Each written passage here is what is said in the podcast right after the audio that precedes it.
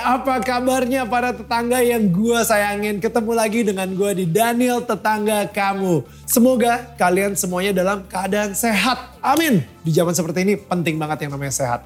Well, kali ini gue didatengin oleh tetangga gue yang sahabat lama gue juga.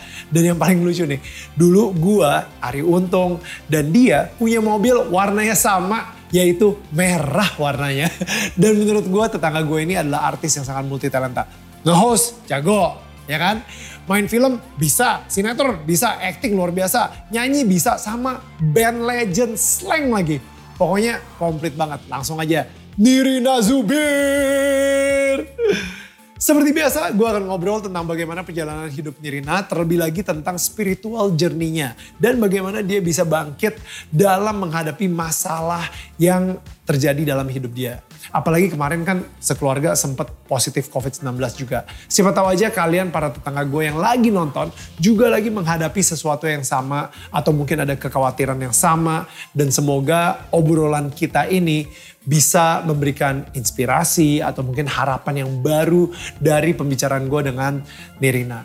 So, anak nongkrong langsung aja. This is Nirina Zubir. Hai, ini gue Daniel, tetangga kamu.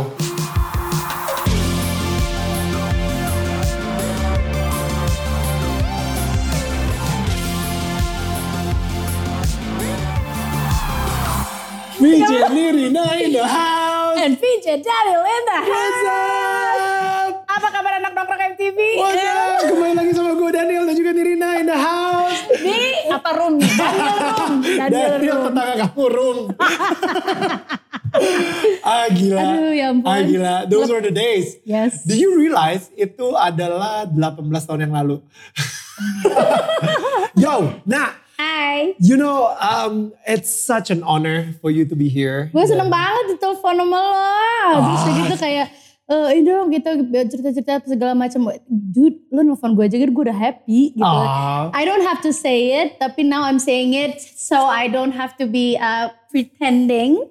tapi pokoknya intinya waktu lo nelfon aja lo mau lo mau ngapain apun hari itu lo telepon gue, gue udah yang yes, Wow. whatever it is, yes. I just I just miss you so much. Dan maksudnya kemarin itu juga pas lagi uh, I heard so many like you know with COVID juga Yeah, yeah, and yeah, everything. yeah, Itu gue yang kayak oh man how is she? How is she doing? Dan you know the first thing that I ask you kemarin itu how's your men, apa mental lu gimana gitu. Yeah. Dan lu yang kayak oke ke efek banget. Yes, kalau gitu gue harus ngundang dia di dari tetangga kamu because I want to talk about this. Yes. Karena banyak juga sebenarnya yang mungkin saat ini lagi ngelewatin Struggle ya. struggle mentally gitu. Yep, Jadi yep. lagi um, depresi, you know, Hmm, kayak banyak anxiety attack, ketakutan, panic attack dan lain-lain gitu. Jadi mungkin di sini kita bisa belajar dari lu juga gimana caranya supaya um, apa bisa overcome that. Yep, I mean, yep. I see you now, Yeah, yeah. you're super like bubbly again. so I live life the way it is. Which I is mean, like- amazing dan makanya gue kaget banget ketika lu bilang lu struggle mentally pas uh, zaman-zaman pandemi, you know, Yeah, with, uh, yeah, with yeah, COVID. yeah. Yeah, yeah, yeah. So before we talk about that, I wanna trace back dulu to your origin story. Gue bilangnya selalu origin story. Yeah, yeah. So tell me about your parents. Kayak bokap lu sebagai diplomat tuh cukup sulit berarti ya. Apalagi lu juga punya dua kakak kan. Uh, I have three sister, gimana ya? Tiga kakak gue dan gue punya adik lagi satu. Yeah. I'm the fourth kid. right. Dan emang eh, gue tuh kayak makanya gue tuh merasa produk produk setengah-setengah lah gitu karena kayak misalnya ngomong bahasa Indonesia juga sebenarnya lancar tapi kadang-kadang ada banyak hal yang tiba-tiba yang ini artinya apa ya tapi kan gue nggak bisa melihatkan kalau gue nggak bisa gitu bahasa itu karena gue adu- adalah orang yang tidak menerima adanya keterbatasan dalam berbicara cause I love talking so much you know how it is right Nama belakangnya Zubir aja udah cukup Ya, menjelaskan. gitu Nirina kan. Zuru bicara. Bicara. Yes. jadi gue nggak mau ada halangan untuk berbicara. So I I love languages. Ya. jadi ya itu tadi Nah lahir di Madagaskar. Setelah Madagaskar my dad itu diplomatnya jadi dipindahin lagi ke Turki. Wow. abis dari Turki 4-5 tahun pindah lagi terus kemudian ya pulang sih ke Jakarta. Tapi kayak setahun dua tahun gitu. Abis itu selebihnya ya pergi lagi. Abis itu ke Hong Kong uh, Beijing, balik lagi ke Hong Kong, terus ke Marseille, Hmm. uh, ke Prancis, terus uh, terakhir udah my dad pensiun di situ gitu. Tapi ya, Wow. Bisa bahasa Perancis juga? oui un petit peu. Oh, wow. Parler français, hein? Comment ça, comment ça? comme ça, comme ça. Voulez-vous coucher? Eh, jangan, jangan. Ada, ada suami, ada suami, ada suami, jangan. Ah, ya kayak Iya, gitu. iya. Jadi I I I love languages karena emang nah suka ngobrol gitu. By the way, kalau misalnya untuk ngomongin kakak lu sendiri ya, kayak misalnya ada Vinta, Ruli, Alan. Eh, mereka bertiga bisa ngomong Mandarin, Hok, eh, Jadi you know, beda-beda. Cantonese dan lain-lain. Beda-beda. Jadi kakak Ena yang pertama itu dia karena kan em, Vinta itu kan kakak anak pertama. Hmm. Jadi dia waktu gue tinggal di Madagaskar itu kan dia sudah bisa belajar bahasa kan. Jadi dia lebih ke Perancis. Right. Terus kemudian kakak gue yang kedua Ruli itu dia pernah disekolahkan di Filipina. Jadi Tagalog. Tagalognya parah. Makanya waktu ada Christian Bautista datang terus kakak gue ketemuan tuh dia ngobrol gitu. Wah. Jadi kayak gue ngeliatin Dan kakak dia gue emang juga, mukanya kayak Pinoy-Pinoy Yoi, gitu Pinoy. Pinoy.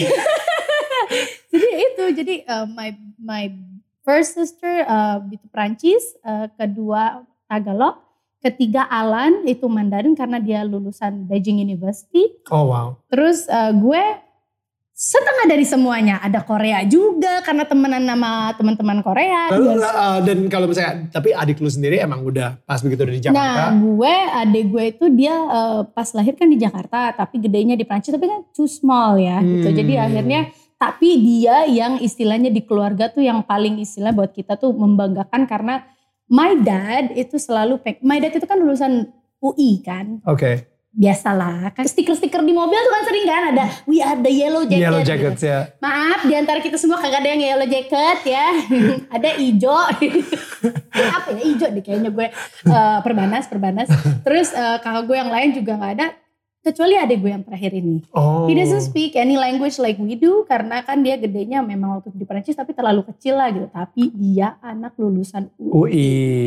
Oke, so then pas lu balik ke Jakarta, I don't know ya, kapan sih lu mulai tahu kalau misalnya, hey, gua purpose gua diciptakan di dunia ini adalah untuk entertainment, adalah untuk menjadi Hmm. um, presenter atau mungkin jadi host atau akhirnya, you know, atau acting malahan di entertainment lah intinya. I never knew, nggak pernah tahu dari dulu gitu. Makanya gue bilang tuh gue tuh menjalankan hari-hari gue tuh kayak ya udah. Mungkin I believe that I'm a Pisces. Oke, I'm a fish. I swim and I swim and I go where the water flows gitu loh. I I disagree in a way karena menurut gue lu adalah salah satu orang yang sangat ambisius dan lu tahu banget arahnya mau ke mana. I, I, think. swim cause I know where the course is and I'm going there, but gue pengen yang terdepan. Hmm, I right, swim, right. but I swim Right. gitu kan. Gue nggak mencoba melawan arah, gue ke sana, tapi gue Hmm. mau yang paling depan gitu loh. Right, right. Jadi kayak eh, buat gue, gue nggak tidak pernah. Intinya gini, pas lagi gue kuliah aja kan gue bilang sama bokap gue, sama nyokap gue gitu. um, so what do you wanna be? Hmm. My gosh, itu pertanyaan yang di zaman kita dulu kan belum ada tuh pengetahuan yang terlalu uh, detail gitu Ya. kan. Kayak misalnya lu mau apa? Gali kemampuan diri lo sedini mungkin gitu. We don't have that. Gitu. Ya. Jadi pada saat itu kan semua serba terbatas. And then I apply to ITB Seni Rupa. Hmm. Cause I know I'm like kayaknya Seniman gue ya, ada senimannya gitu ya. ada kayaknya pokoknya inti sebenarnya satu gue cuma tahu gue suka celana jeans sobek-sobek dan Wow. itu nggak mungkin kayaknya dimasukin ke maksudnya ke bank Gara-gara celana jeans sobek-sobek kayaknya oke berarti gue anak seni. Lupa, seniman. intinya gue tuh suka aneh aja gitu dan tiba-tiba gue kayak kayaknya gue nggak bisa deh kalau gue masuk ke perbankan gue kayaknya ya ampun nggak bisa deh kayaknya gue mikir ini nggak bisa gini so akhirnya gue dengan sendirinya milih karena waktu itu gue pas pulang itu semua eh, universitas negeri udah tutup Hmm. tapi tinggal eh, terakhir adalah ITB seni rupa Hmm. So I'm like, wait a minute, kayaknya ini buat gue nih gitu. So I did, ngedaftar ke sana, Wow. bahkan les ada yang namanya Villa Merah, mungkin anak-anak eh, seni rupa pada tahu gitu. Les dulu segala macam biar nanti pas ujiannya gue udah tahu apa yang di- ditanyain, apa segala macam psikotesnya segala macam. Hmm. And turns out, eh, ma- gue kan punya nenek ya, maksudnya bukan nenek langsung sih, tapi adiknya nenek gue juga tinggal di Bandung gitu kan. Hmm. So I'm like, oh, gue udah udah bener-bener kayak ini perfect nih. Hmm. Udah ikut les, terus ada keluarga di sana, gue punya rumah, apa segala macam udahlah gitu. And then hasilnya keluar.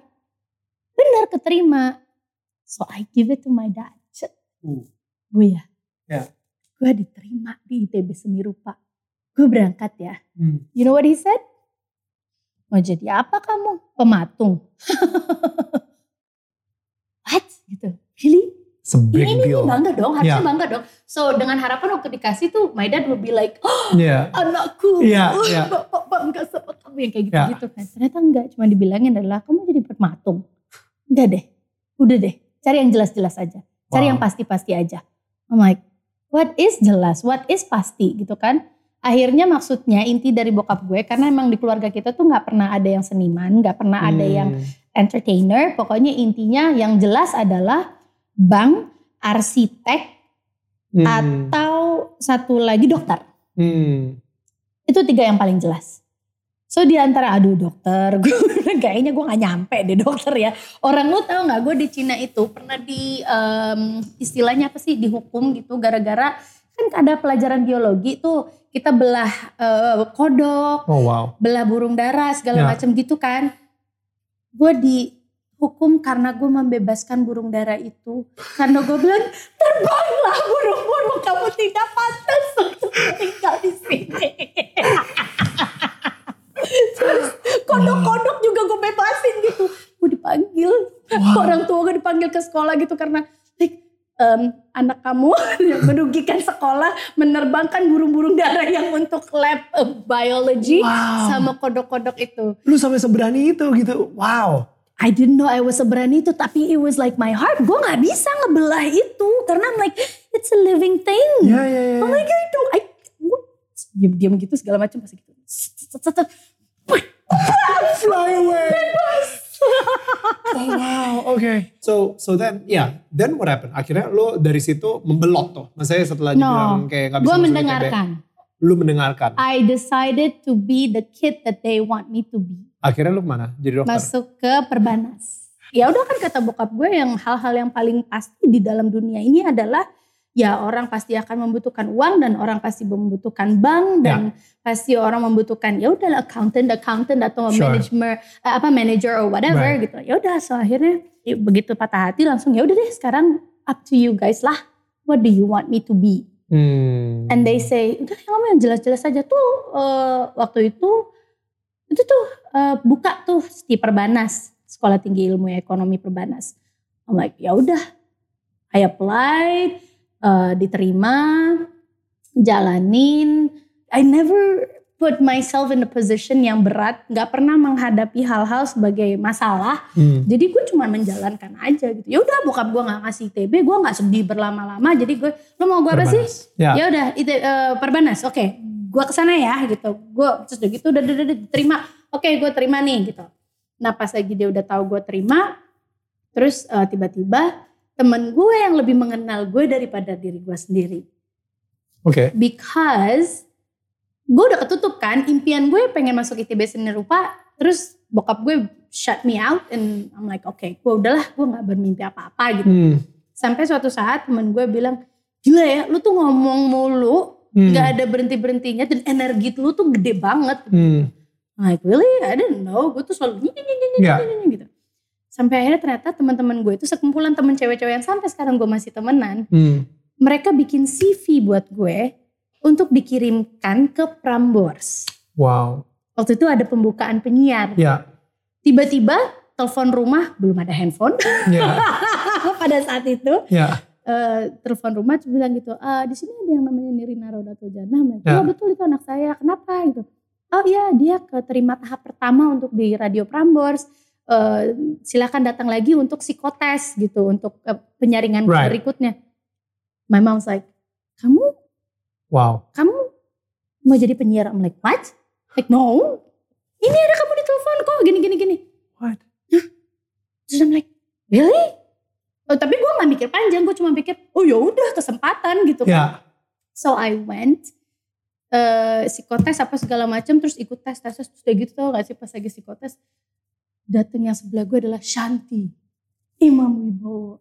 Gue ngeliatin orang-orang kayak, oh oke gitu. Terus udah gue jalanin tuh. Nah terus gue kasih tahu nyokap gue, kok kamu tahu-tahuan kayak gini? I'm like, I don't know. Terus akhirnya gue cerita sama teman-teman kan, kok gue dipanggil sama Prambors ya? Gitu. Hmm.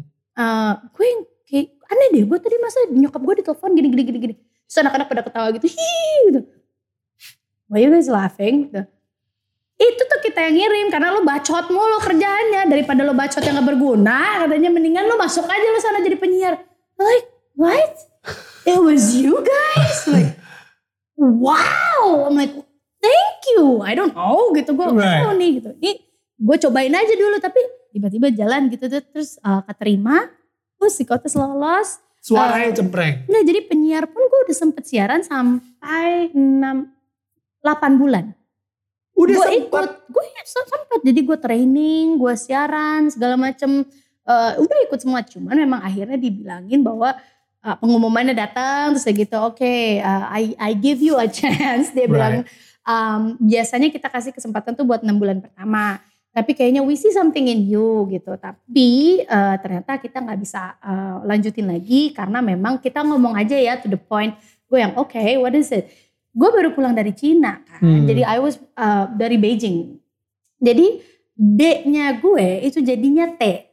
Oh my goodness. T-nya gue jadi TH T Ah, D D T N L M F P Gitu. udah jadi gue Wow. punya ke jadi biasanya orang cacat vokal itu karena cadel kan Ya. cadelnya adalah biasanya R ini gue banyak banget ya. terus ditambah lagi gue pakai kawat gigi Oke. jadi S-nya gue jadinya S Ah. jadi S T D.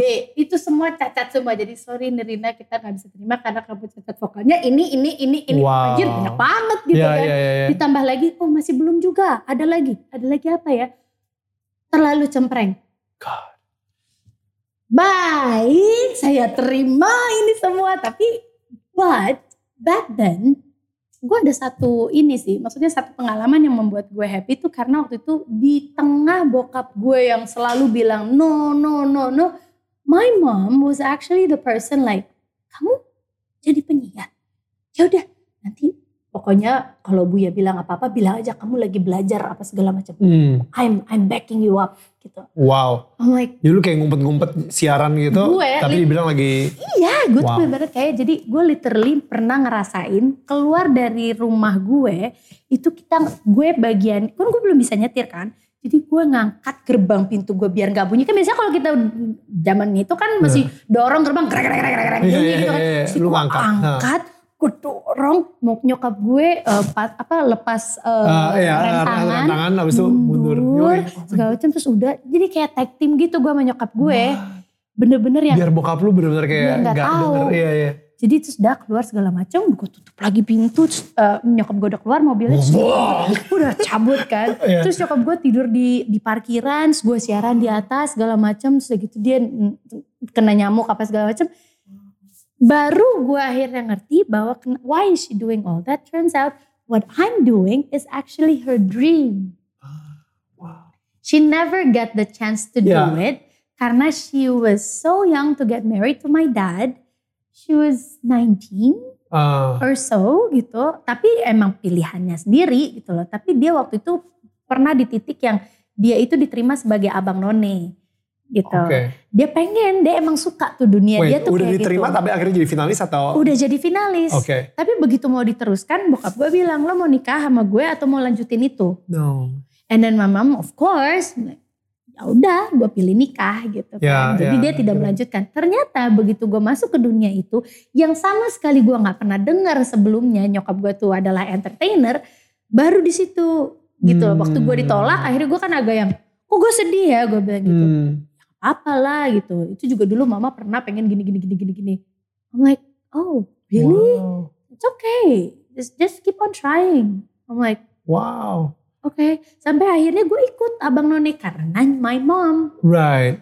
And that was actually my first gate to dunia entertainment. Jadi, oke, that's really interesting. Karena gini, gua sendiri pernah ngerasain rejection.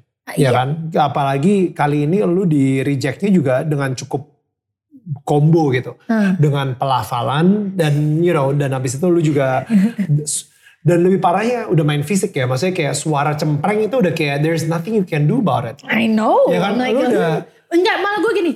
Maaf, bukannya ada yang namanya engineer untuk bikin jadi lebih bass gitu ya. Itu kan ada tombol-tombolnya ya. Kan gue udah training ya sama kalian gitu kan. Kan bisa di bassnya dikencengin aja gitu. Udah masih cempreng. Masih. Oke baik. Bang. Tapi you know dan dan siapa yang ngira kalau misalnya di saat lu lagi di reject seperti itu, identitas lu kayaknya udah mulai what berarti kayak gue udah kan penyiar, gue udah gak bakat lagi di entertainment, justru malah nyokap lu Yes. yang membuat lu kayak balik Yes. lagi kembali lagi dan akhirnya masuk ke Abang None gitu. Ah, masuk ke Abang None, terus mengenal dunia ibaratnya kayak abis itu gue SPG. Nawarin apa ya SPG? Kayak Ah ini kartu membership Pondok Indah Mall. Di tepatnya lagi di depannya Hero di bawah eskalator di situlah saya. Membershipnya mas, membershipnya mas, buat buat Pondok Indah Mall. I was that person. Dan dari situ akhirnya gue ketemu sama ada orang uh, uh, talent search gitu. Terus tiba-tiba datang kayak kamu kan bisa deh kayaknya masuk ke dunia entertainment gitu. Ini Oh. kartu nama saya yang kayak gitu-gitu wow. gua cobain dong sinetron. So the the test that we did together waktu kita casting untuk menjadi pemain sinetron, inget nggak sih? Hah? Yes. Yang kita bareng-bareng itu. Iya, gue ingat, gue ingat. Dan kita gak dikasih. Ya, gitu kita ya. gak dikasih. Iya, iya. Gak lolos juga kita. Iya. Tapi pokoknya intinya that was not the first time. My first time was at 96 or 97 karena Nah pulang ke Indonesia. Nah nggak ada. Jadi Nah lulus itu lebih cepet daripada eh, yang sekolah di Indonesia. Ya, So I have like about 6 to 8 months free. ya. So I'm like ah ngapain ya Prambors lah yang gue coba gitu. Ternyata nggak lolos Dan gitu casting kan juga sempet. akhirnya eh, abang none lah terus udah gitu eh, ya udah ada yang nyamperin untuk main sinetron itu kan gue pikir oke main sinetron kali ya gitu gue nggak pernah tahu kan kayak apa sih main sinetron so I did nah coba di calling jam 4 pagi ke Cibubur Hmm. which is rumah di kebun jeruk Uh. lumayan sih Ya. ya gitu dan nah bukan yang tipe yang punya kendaraan waktu itu jadi waktu itu ada penjemputan pokoknya istilahnya udah di jam 4 pagi tuh udah jalan Jadi apa? Jadi apa? Jadi extra talent? Jadi Extras. dong gitu kan tapi nggak tahu ekstras tuh apa gitu Hmm. yang penting dia ada agensi yang memanggil gue terus gue ikutan Udah gue seneng lah ya. udah gila. udah seneng kayak uh, Wow, udah masuk. TV, Heeh. dapat nasi kotak, dibayar berapa ratus ribu ketemu gitu. banyak orang Yes. gitu kan udah Ketemu artis. Uh, ada artis. Waktu itu eh, namanya adalah Ayu Asari dan Roy Martin. Oh my wow Yes. gitu kan. Oke lah. Dah pas lagi datang jam 4 pagi udah nyampe. Udah dandan dong. Jam 6 pagi udah siap-siap. Belum juga take. Jam 7 belum. 10 belum. 11 siang belum. Break makan siang. Makan nasi kotak. Hmm, udah luntur-luntur ke mana nih ya udah. Oke baik gue lanjutkan saja. Break makan siang mulai lagi. Jam 1 belum take juga. 2, 3, 5, 6, jam 9 malam belum take juga. Like ini akan kayak begini terus apa gimana sih gitu. Oke. Begitu jam 9. Oke pemainnya udah datang segala macam. Oke siap-siap semuanya. Asik asik. Sek, sek, sek, udah dandan lagi touch up lagi. Udah cemong banget kan gak ngerti makeup juga kan gitu udah. Pas take tiba-tiba stop gitu. "Loh, Kenapa? Gak jadi masuk, masuk. Balik lagi, balik, balik. Kenapa? Mau makan nasi padang dulu pemainnya.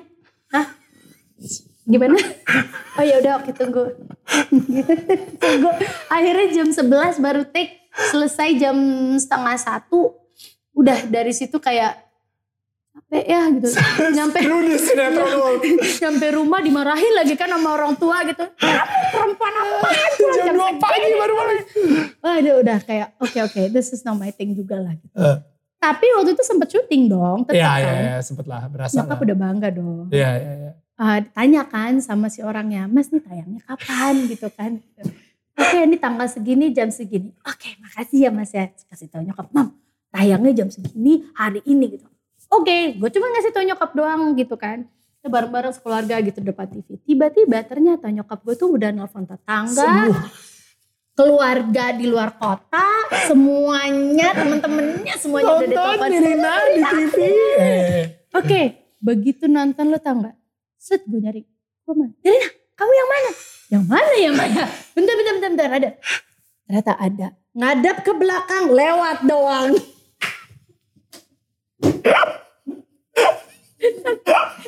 gue udah dapat semua. Sini Rina akan di TV. Terus pada akhirnya pada ngomong, yang mana yang itu itu yang baju putih, yang, yang jalan munggungin itu loh.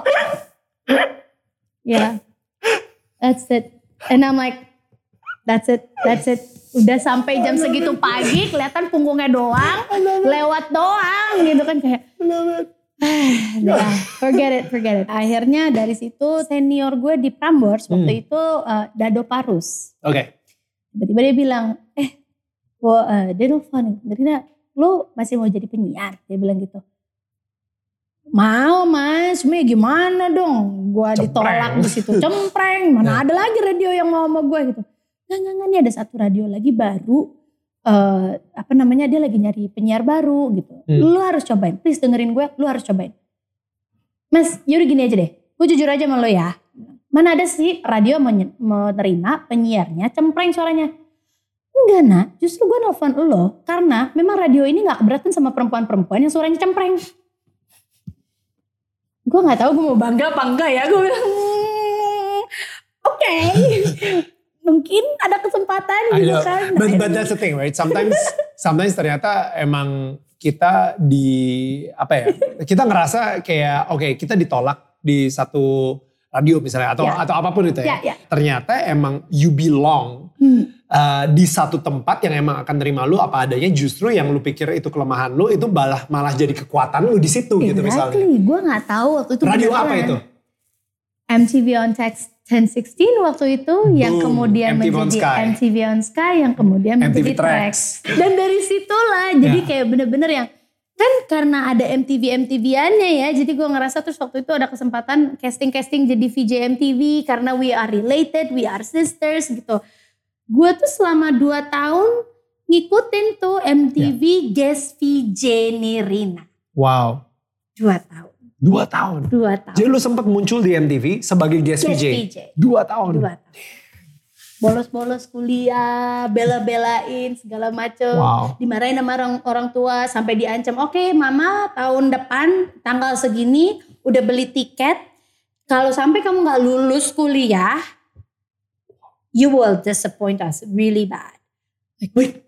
Oh my goodness. Oh my god, dude, nih gitu. Ya, Di ya. tengah gue lagi eksplorasi diri gitu kan. Ya. Karena kan I thought dan cuman menjalankan apa yang orang tua pengenin, kuliah yang jelas-jelas gitu kan. Ternyata di tengah jalan ini ada sesuatu yang tiba-tiba kok ini menarik ya, kok Ya. ini seru ya, apa ini gitu. Ya, ya. Oh, Jadi di tengah proses itu semua akhirnya intinya gue eh, ditarik lagi untuk kayak, hah gitu, lo mau jadi apa gitu. Hmm. I don't know, I'm I'm I'm in the thing where I kayak kok lagi ngerasa ini ini This is- menyenangkan right. gitu. Kayaknya maybe this is me gitu. Yeah. loh. Oke gitu, terserah kamu mau jalanin apa, tapi kamu lulus dulu karena Hmm. mama nggak mau kamu hanya menjadi seorang pekerja yang tidak punya sertifikat, Wow. tidak punya apa Ya, istilahnya ijazah, ijazah. Wait, lu you you finish right? I finished. Gak tau ya awkward gitu. I did not finish. You, No, I'm Jadi- sorry Daniel. I- Iya. Tapi akhirnya gimana? Setelah, maksudnya dari, do you see what your mom, Oh, I thank So? her. Hmm? I thank her. kenapa? Karena Apa pentingnya ijazah akhirnya? Hmm, sekolah itu membuat kita mungkin kalau yang gue lihat ya gitu bukan hanya pintar secara edukasi tapi juga eh, sosial Hmm. jadi eh, ya oke mungkin selama ini lu ngerasa oke lu fleksibel lu santai lu segala macam tapi kan lu juga harus ada pendidikan yang lu harus imbangin juga antara social life sama eh, education world Balik lagi ketika lu jadi uh, guest VJ, guest VJ Nirina ya. sampai akhirnya jadi VJ Nirina, itu kayaknya perjuangannya cukup berat sebenarnya. Ya. You know, not many people know about this karena lu sempat kayak ya sampai ke Singapura juga, sampai kayaknya nggak tahu ya anak-anak di MTV saat itu Hah. kayaknya nih mereka tahu banget lu mau MTV, tahu banget lu mau jadi VJ, tahu Hah. banget apa sih akhirnya mungkin kelihatan ya gue seambisius N- mungkin gini buat orang lain itu ambisius Ya. buat gue pursuing my dreams right Akhirnya gimana dari guest VJ sampai akhirnya jadi VJ itu what what happened? Which moment? Do you still remember? Pokoknya intinya gini gue tahu yang gue lakukan adalah menomorsatukan MTV Hmm. Jadi kuliah gue tuh waktu itu sempet yang kayak gue dikit-dikit izin, dua dikit-dikit izin. Pokoknya MTV tuh selalu kayak, e, Nerina besok ya jam 2 gitu. Nerina langsung besok kosong ya. jadwal lu Ah. besok langsung ke MTV. Besok jam 8 pagi ya, besok jam 7 pagi ya, besok, besok, besok. Hmm. Atau nanti sore. Ya. Oh my God gitu. Ya. Tapi eh, karena gue ngerasa, I don't know, I'm happy again. Ya. Sebagai seniman itu, I'm like, okay, I'm happy. And I did it. Dan di situ yang makanya nyokap udah mulai hehe. ah, kayaknya banyak banget nih Bolosnya. izinnya. Ya. Kayaknya eh, nggak bakal lulus tahun depan nih. Hmm. Gimana nih gitu. Jadi ya udah. Tapi I didn't see that as a problem because I Hmm. was like pursuing my dreams and I do want it gitu. Di 2004 eh, Nirina sama Ari dua-duanya cabut, memutuskan untuk cabut betul. dari MTV. Ya. Right? Ya. Ngajak gue. ngajak gue, ngajak gue juga gitu. Terus dia Well, Apaan? gue baru baru jadi, exactly, gue baru jadi VJ 2003. ya, ya. Ya kan? Jadi itu kira-kira 2004 akhir atau 2004 pertengahan gitu. Ya, ya. Ngajak gue cabut. Udahlah. Emang sih at that time it feels that that we are bigger than MTV. Karena emang udah banyak tawaran banget. Ya, Kita ya. juga uh, apa sempat ditawarin sinetron juga Ya. dan habis itu nggak dikasih. Iya. Dan akhirnya lu sama Ari uh, memutuskan untuk cabut saat itu. Ya. Padahal lu barusan bilang sama gue juga apa pun demi MTV. Ya. What changes. what changes gitu. Karena well saat itu juga mungkin kalian juga tanya Daniel sendiri gimana akhirnya ikutan nggak? Kenapa nggak keluar? Sebelum gue menjawab Nirina sama Ari, gue datang ke bos gue. Ari sama Nirina mau cabut. Gue bisa cabut juga. Tapi menggunakan kesempatan itu.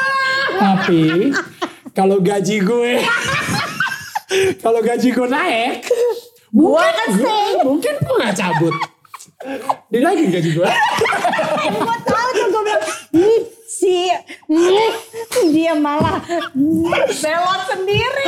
akhirnya akhirnya Nirina sama Ari cabut oh VJ Daniel is born Hanya ada VJ Daniel.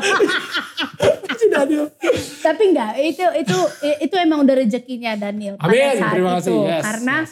setelah kan gue udah udah bilang kan gue nggak pernah punya impian gue mau jadi apa, gue mau sebesar apa, gue mau ngejar apa tuh I don't have that gitu. Jadi bener-bener yang I swim and I swim, oh this is interesting.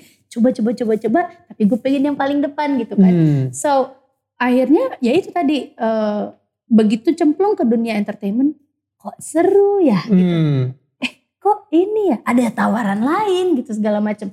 Jadi Nah tuh barengan sebenarnya waktunya antara si MTV dengan tawaran film 30 hari mencari cinta 30 hari mencari cinta itu film pertama nih. itu booming banget juga Dan itu tahu gak sih what I've been through? Oke, tahu. let me tell you. Ah, Jadi exactly. waktu pas kejadian 30 hari mencari cinta, komitmen kita sebagai VJ Hmm. itu kan harus selalu mendahului MTV MTV. Ya. Lainnya nomor dua. Ya.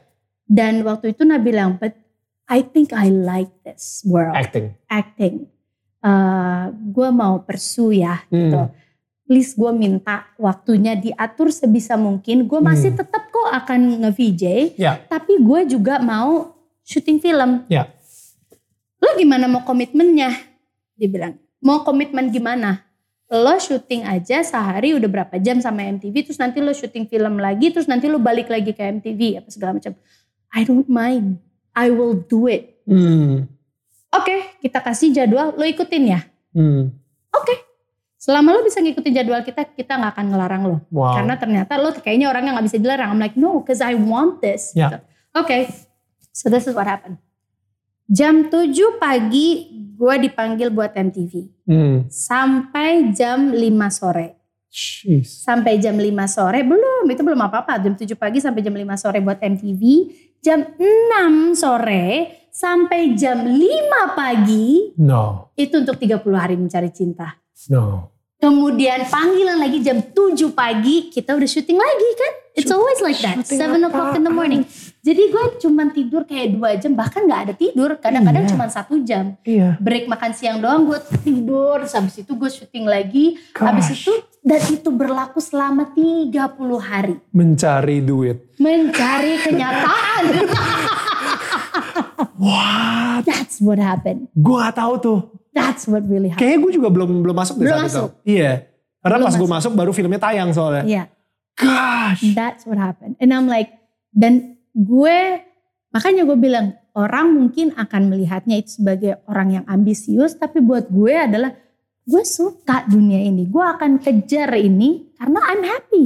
Gue nggak tidur, nggak tidur deh gitu loh. Gila. Dan ini yang orang tidak tahu terhadap dunia film gitu loh. Jadi kayak orang selalu ngerasa bahwa artis tuh enak ya, dapat duitnya tuh gede gitu apa segala Hmm. macam. Tapi they don't know the sacrifices that Jam 6 sampai jam 5 pagi itu makanya nasi kotak juga. Iya. satu lauk, satu sayur. Oh my goodness, gila. Jadi itu bener-bener wow, I did not know that. It was that pressure. Pada saat itu gue lucunya karena gue menyandang dua nama nih. Ya, Nirina sebagai pemain film, sama. Nirina sebagai VJ. Ya. Which one? Which one is bigger than the other one? I'm like, no, there's nobody bigger than the other one Hmm. because I'm I love both of them. Hmm. Sampai akhirnya film berikutnya lagi dapat lagi, Hmm. begitu lagi, begitu lagi. Sampai akhirnya gue bilang, ya kan nambah usia segala macam. Sampai akhirnya gue bilang, kayaknya gue nggak sanggup lagi kalau gue harus berbagi badan dan tidak tidur seperti ini lagi. Ya. Makanya keputusan gue adalah, Konil, gue akan cabut. Cabut. Hmm. Karena ini udah for my physique Ya. itu udah kayak unhealthy Ya. gitu. Jadi you That's have to crazy. choose. Makanya akhirnya kayak dah kayak ngomong sama semua orang gitu karena I appreciate MTV so much karena Ya. MTV yang membesarkan Nirina Ya. apalagi gue lahir di zaman MTV yang 24 jam. Ya. So lo akan pasti ngeliat muka gue dari Senin sampai Senin lagi, situ lagi 24 jam. Nirina lagi That's gitu kan. So people keep on thinking, Nirina lu berapa tahun sih di MTV? Kayaknya lama banget ya. It's actually not long. It Hmm. was actually three, 3 sampai 4 tahun. Wait, 3 sampai 4 tahun termasuk guest VJ atau berarti 5 tahunan dong kalau misalnya sama guest VJ? I never thought of that. Hmm. Gue gak pernah ngitung si lama. guest VJ itu ya. Iya, Hmm. iya, iya. Karena selama gue guest VJ, gue masih belum menganggap diri gue VJ gitu Hmm. kan. Hmm. Tapi kalau misalnya udah muncul berarti udah 5 Berarti tahun. iya, Which is quite a long time. Ya, Dan dan maksudnya akhirnya di situ lalu menjadi aktris yang termahal. ya. dan em, zaman MTV itu ya gue gue ngerasa kayak eh, mereka maksudnya tim MTV emang Hmm. sangat posesif banget sama VJ-nya. Ya. Dan sampai sekarang ini emang itu sesuatu yang mungkin gue pegang juga. Ya. You know, which is okay to be possessive karena mereka sangat care sama image kita juga Men- gitu. ya, terlalu menjaga. terlalu banyak di mana-mana akhirnya jadi jatuh juga, you know. Dan As time goes by, akhirnya kita mengerti kan. Dulu kita mengerti. mungkin Dulu sih kita gila rebel banget. dulu. Dan maksudnya bahkan ya ketika gue ditawarin untuk Indonesian Idol Hmm. itu juga sempat jadi permasalahan. Ya hampir gak jadi. Dan untungnya si kebetulan bosnya saat itu adalah bos dari Singapura dan dia sangat eh, Leslie, Ya, kalau ya, ingat, ya, dia sangat dia sangat eh, oh ini justru bagus kalau misalnya Daniel di Indonesian Idol, eh, Indone- apa Daniel lebih terekspos lagi, ya orang bakal ini kayak. MTV juga. Mungkin dia orang pertama yang mikir itu gitu. You know, bahkan seharusnya Karena kan pas lagi saat gue belum Leslie. Betul. Karena seharusnya kalau misalnya lu semakin naik di dunia film, orang juga pengen ngeliat lu nge-VJ Iya. dong. Dan bahkan gue gak keberatan kok waktu pas lagi misalnya lagi eh, di kan kadang ada kredit title kan Hmm. maksudnya ditulis VJ Nirina juga I don't Which is, mind. yeah gitu. exactly. It's Tapi okay. Kalau nggak bukan karena itu, lu akhirnya nggak lepas MTV dan Ya. gua gajinya segitu-gitu aja. Jadi maksud gua, thank you. Saya terima loh kamu ucapan terima kasihnya. Belum pernah terucapkan sampai detik Terima kasih Nirina Zubir. Daniel Mananta.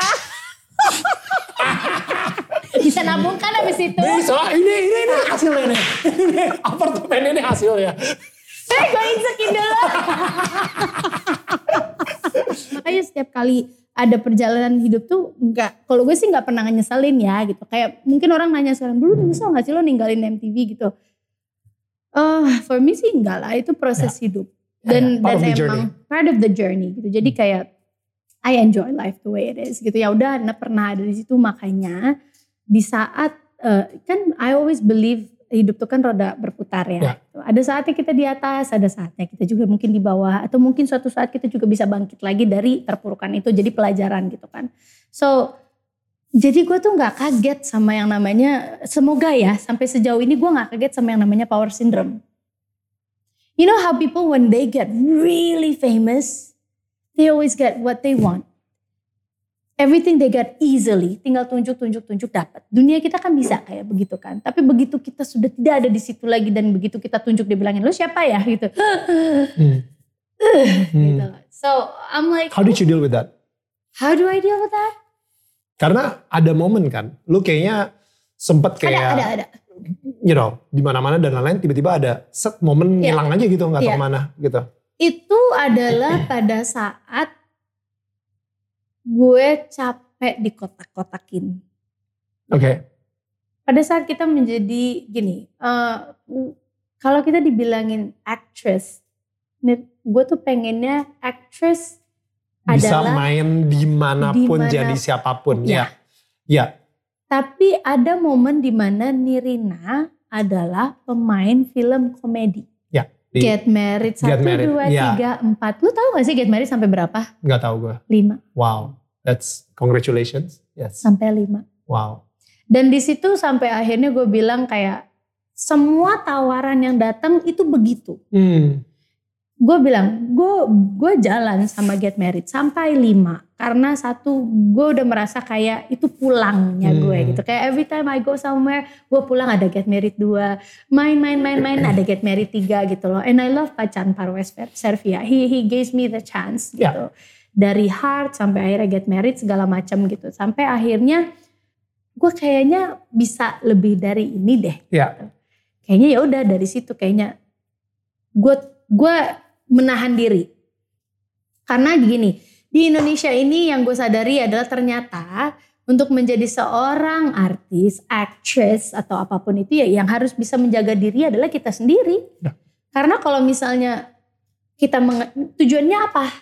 Kalau hanya uang ya pasti semua kita akan ambil. Ya.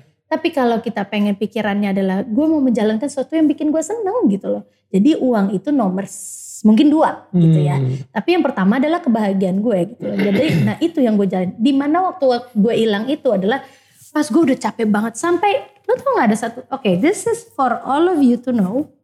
Ada satu film yang akhirnya jadi film hits banget, tapi itu gue tolak. Adalah film Ernest Prakasa, Wow. Ngenes. Oke. Wow. Gue tolak. Dari pertama Ernest sudah ngomong, sama Mera udah datang. Yang main lu ya. Terus gue bilang, gue tuh bukan yang gak nge-support kalian ya gitu. Tapi pas momen kalian minta ini, gue lagi mau berhenti banget komedi. Lagi mau nge-break that image of I um, want, komedi. I Wow. want to get out. Dan sebenarnya jangan gitu lah ya udah abis film gue ini aja. Hmm. I have to say no. Wow. Karena padahal gue udah lihat ceritanya, gue udah lihat Bagus, bagus, banget gitu. Tapi Bagus. gue kayak if I do this, this is gonna be a hit and I'm gonna be there again. Ya. So I'm like, I have to say no. and Papa again, it's Papa Parwes juga kan. I'm like, so yeah. you're, I'm saying no to Papa Parwes and I'm saying no to my friend, which is Eros Perkasa and Meira gitu. Ya. And I'm like, gue, gue please let me decide this. Ya. And gue bilang, nah ini adalah journey buat Meira juga gitu loh. Hmm. Karena Meira waktu itu juga merasa bahwa, eh maksudnya ini uh, make a long story short gitu. Dia juga lagi gak confident untuk ada perempuan lain yang main kecuali dia yang kenal, which is me. Gitu. Yeah. And I'm like, you know what, you will look one day, you will look back and you'll you'll thank me Wow. because he's gonna be big, which Yeah. is Ernest gitu. And then she's like, oh enggak gitu lu, lu gak support banget sih temen gitu. Akhirnya enggak, dan gue bener nih, gue cut semuanya sampai akhir itu.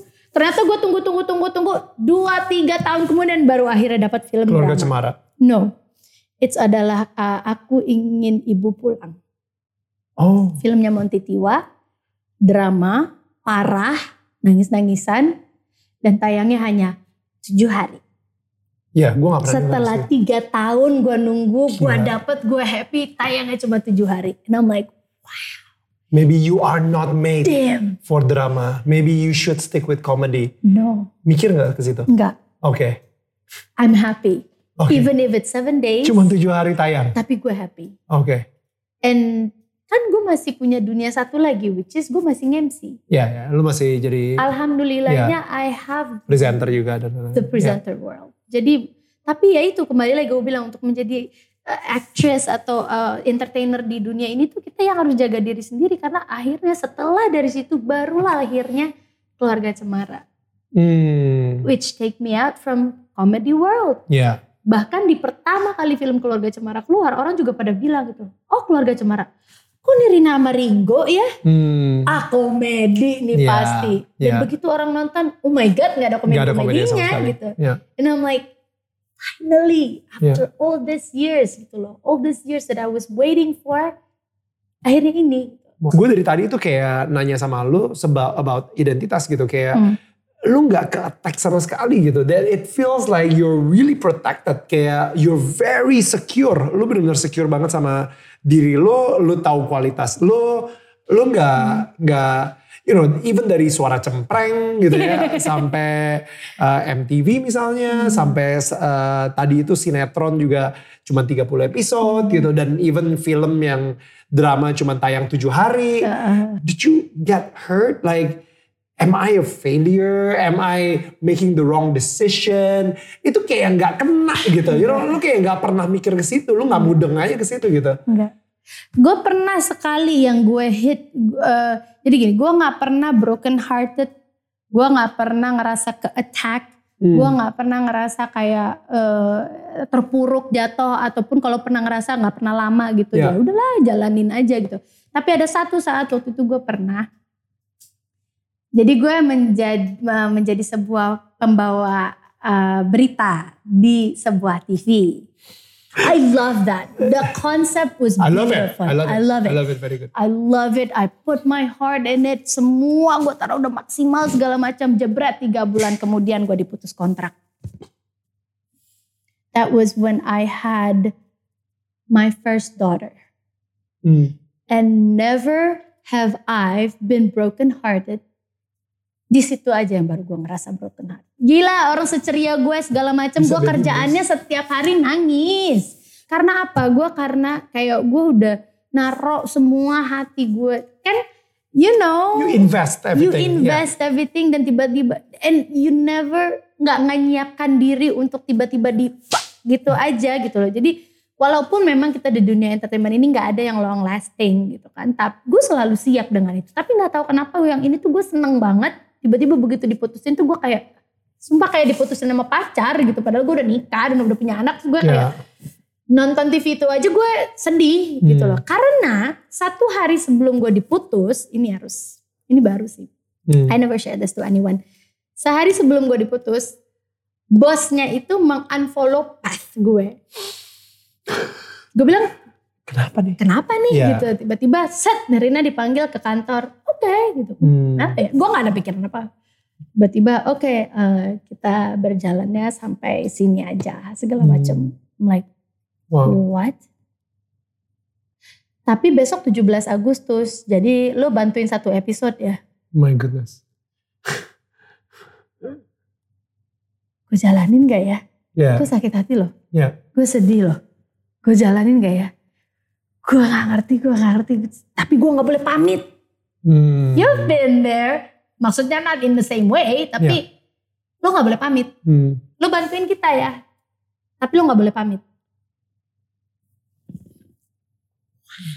I'm like, tapi I did it anyway for a professional sake. Dan lu gak pamit. Dan gue. Pokoknya besoknya udah gak ada lu Tapi aja. situ dua bulannya gue nangis. Gila. Tiba-tiba ada yang ganti channel gitu. "Ah, jangan channel itu. Segitunya. Wow. Tapi gue gak pernah share how did you overcome that? Untung I have a great support system, which is my family, which is Hmm. my husband gitu. Jadi gue udahlah ya udah deh gue fokus konsentrasi sama punya anak aja dulu.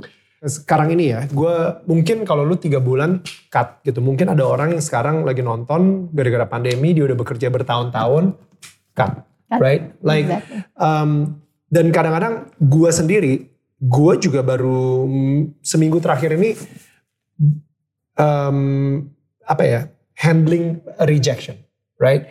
Uh, gue gara-gara YouTube gue Daniel Manata Network, gitu ya. Jadi sekarang ini gue uh, akhirnya mulai nih uh, apa jadi kayak sales gitu, you know like nyari sponsor, you know mau bikin acara baru kita Yeah. ke sponsor-sponsor dan lain-lain. The rejections is just too much gitu. Selama At- ini at the- soalnya lo mendapatkan hal dengan mudahnya tinggal menjalankan, jalankan, jalan. Sekarang lo begitu sailing your own boat. exactly. Makanya gue bilang di sini, life is all about balance. Ya, Termasuk yang gue bilang dari zaman gue sekolah juga harus ada sisi edukasi dan juga sosial yang balance. My pengalaman gue yang itu juga, akhirnya my husband, he was like, udahlah, mungkin Hmm. mereka tidak punya budget untuk lo. right. Exactly what your wife said. Yeah. So I'm like, yaudah, itu yang bikin gue akhirnya kayak, makanya gue bilang, I thank God for my support system Ya, untuk bikin gue kayak, karena sumpah waktu itu hari itu udah kayak, kayak gue udah nikah, gue udah punya anak, Hmm. nggak ada lah hal yang bisa mematahkan hati gue lagi gitu kan. ya. Tang, ini kejadian, patah hati. Hmm. And then akhirnya dia, udah, karena sudah bilang, udah, mungkin emang masalah budget. Ya. Mungkin emang belum, udahlah. Hmm. Gitu. Hmm. Gue udah udah dari situ kayak Bung baru gue bisa bangun lagi. Dan itu it's amazing ya, ketika kita, uh, gue ya lagi feeling like a loser, feeling like a failure, I know. dan tiba-tiba ada satu orang yang ngerubah reframing aja, the same the same situation, tapi ada yang nge-reframe, Ya. kita langsung lepas tuh. Gue Ya. gua langsung, ya juga ya, mungkin bukan tentang gue, tentang dia, Ya. gitu. Ya. Akhirnya, you There's know, mungkin there's always side. another side gitu ya, tapi kebanyakan karena organisasi besar itu nggak mau kelihatan salah, Jadinya it's always about udah us. salahnya di lu, Iya. bukan di kita kok. Hmm. Kayak gitu, you know. Ya. Dan I hope, I hope ya siapa pun yang nonton ini, ini bukan kebetulan banget kalau misalnya lu lagi ngeliat ini, Ya. karena siapa tahu aja kalau lu lagi kejadian ini, itu yang sebenarnya terjadi gitu. Jadi it's not don't blame yourself Betul. karena pasti pasti ada cerita lain di balik sebuah Betul. kejadian gitu. Betul. Jadi kayak nggak nggak usah terlalu bertitik berat bahwa gue gagal, Ya, gue nggak sebagus itu lagi, gue tidak seterkenal itu jangan lagi. sampai you decrease your value. Jadinya kita yang jatuh. You decrease your value cuman karena somebody else make a mistake. Dan karena dia make a mistake, they put that mistake on us. Gitu. Oh itu sering kok. Jadi gini, ini ini termasuk salah satu hal yang sering banget Nirina hadapin sekarang ini sama eh, anak-anak eh, generasi sekarang gitu Oke. ya. Eh, salah satunya adalah gitu, begitu mereka sekarang kan YouTube, Ya. eh, selebgram, apa segala macam. Begitu mereka live, tiba-tiba ada kata-kata hujatan lah, Hmm. yang tiba-tiba di live ada yang keluar, terus mereka nggak kuat, terus Hmm. akhirnya mundur gitu segala macam. And you know what? We've been through all that. Ya. And what do we do? We just move forward. Ya. Karena buat kita kata-kata orang yang ingin menyakiti kita itu adalah mungkin dia lagi ada masalah di rumahnya atau dia sendiri lagi punya personal problem yang dia nggak bisa selesain dan dia kesel akhirnya dia kasih ke orang lain. Hmm. Jadinya kita yang harus merasa sakit, kita yang harus merasa Ya. ada yang salah gitu Ya. loh. Ya. So if anything happen in your life, udahlah gitu loh. Gue selalu bilang hurt people, hurt people. Jadi orang yang disakiti akan sebisa mungkin menyakiti orang lain. Supaya orang lain itu bisa ngerasain sakitnya dia. Tapi untungnya kalau misalnya kita secure enough, kita udah cukup besar, kita udah ini, ya udahlah nggak apa-apa, sakitnya berhenti di gue aja. Gue nggak perlu kok Take nyakitin, nggak perlu nyakitin orang lain lagi. I And that's the beauty about forgiveness. Gitu, you know like ya udahlah, I know you hurting, it's okay. It's Yeah. okay. Tapi ya emang butuh secure yang sangat tinggi banget aja gitu untuk Yeah. itu gitu. It's not easy. Ya, Um, banyak banyak kok maksudnya gini ya. Balik lagi kan kita di di dunia ini nggak nggak hidup sendiri. Ya. Kita yang punya masalah bukan hanya kita doang. Ya. gitu. Dan yang menjalani hidup juga bukan kita aja gitu. Jadi ya Hmm. udah if there's other people yang tiba-tiba mencoba menyakiti kita atau mencoba menjegal kita atau mencoba menggagalkan kita gitu. Itu mungkin adalah salah satu caranya untuk kita kadang-kadang kan manusia itu kalau di, tidak diposisikan di posisi yang terjepit dia nggak bisa mengeluarkan ide-ide yang brilian atau apa langkah berikutnya gitu yang gue Exactly. akan untuk survive gitu Exactly. kan. That's how I felt about COVID. Hmm, sebelum kita ke arah situ. Ya. Lu tadi sempat ngomongin soal support system. Ya. Salah satu support system terpenting lu adalah your husband. Yes. Jadi untuk itu mari kita panggil Ernest Sharif. Make up belum? Ya udah tidur. lah, bini gue lama banget ngomongnya. Tada! Tada! Yo, hadir. Hadir. Suami hadir. I I I love having you guys here. Um, gue pengen kalian ceritain sedikit aja gitu ya about your marriage gitu. Dan apalagi lu tadi sempat bilang soal support system lu adalah Ernest juga. Dan um, pertama kali kalian ketemu itu di MTV ternyata ya. Dang. Tahu Iya, iya, kan? iya. Oke. Gitu ini ini ini kita juga ngobrolnya tuh setelah nikah berapa lama gitu baru akhirnya kamu tuh sadar Iya, nggak sih Kita pernah syuting bareng. kita tuh pernah syuting bareng dan begitu dia ngomong sama gue tuh jadi gini sebenarnya kan kita akhirnya mm, apa namanya resminya itu adalah karena kita cinlok gue ngensi dia ngeband Iya. itu resminya semua orang juga udah tahu itu Hmm. tapi ternyata si percikan itu udah ada pada saat waktu itu gue jadi hostnya MTV Getar Cinta. Iya. Waktu itu gue inget banget jadi coklat waktu itu ha, ha- lagi syuting pokoknya kayak entah artist of the month atau Yes. ya kan? Hmm. Jadi pokoknya band of the month, artist of the month gitu. Jadi dia syuting seharian Ya. dan itu sih aneh. Sebenarnya setelah gue pikir-pikir God works in a funny way Right. karena waktu pas episode itu itu coba aja ada rekamannya ya Iya. itu gue salah mulu gue salah mulu kayak nggak tahu kenapa gue nggak naksir Ya. tapi nggak tahu kenapa kayak gue tuh kayak Ya mungkin aura aku aja kalian. Ya, ya, ya, ya, oh my ya. god gue ngomong di depan dia gue nyesal Ada getaran-getaran cinta dari mana gitu kan? Ya. Love, love, love. Tapi memang kalau gue memang udah ngefans sama dia udah lama. Semenjak dia mulai jadi VJ kan gue memang masih additional dari coklat. Berapa kali sering lihat. Terus pulang dari MTV, MTV Asia Award ya. Ah, oh Terus- iya MTV Asia Award yang di oh Singapura belum Heeh. belum belum belum belum gue udah mulai merhatiin dia sih. Cuman memang ya sudah ketemu 2003 itu di situ juga iya salting gak jelas tapi abis itu kita gak pernah ketemu ya enggak abis itu nggak nggak pernah ketemu ketemu. lagi sampai sampai akhirnya 2007 kita ketemu di Bali itu jadi kayak Dan itu yang yang uh, lu nge-MC, lu ngeband. dia ngeband dan waktu itu tuh bener-bener kayak gue tahu dia sama siapa gitu kan terus waktu itu gue juga tuh have a boyfriend gitu Iya. jadi kayak masing-masing kayak yang apa kabar cewek lo Iya, iya, iya. Terus akhirnya gue berani diri aja minta telepon kan.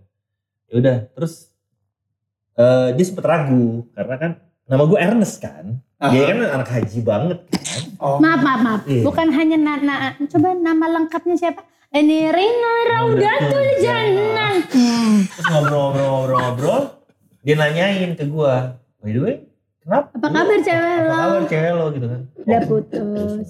Kenapa gitu kan? Bukannya udah lama? Iya beda agama. Terus, siapa, Siapa yang apa?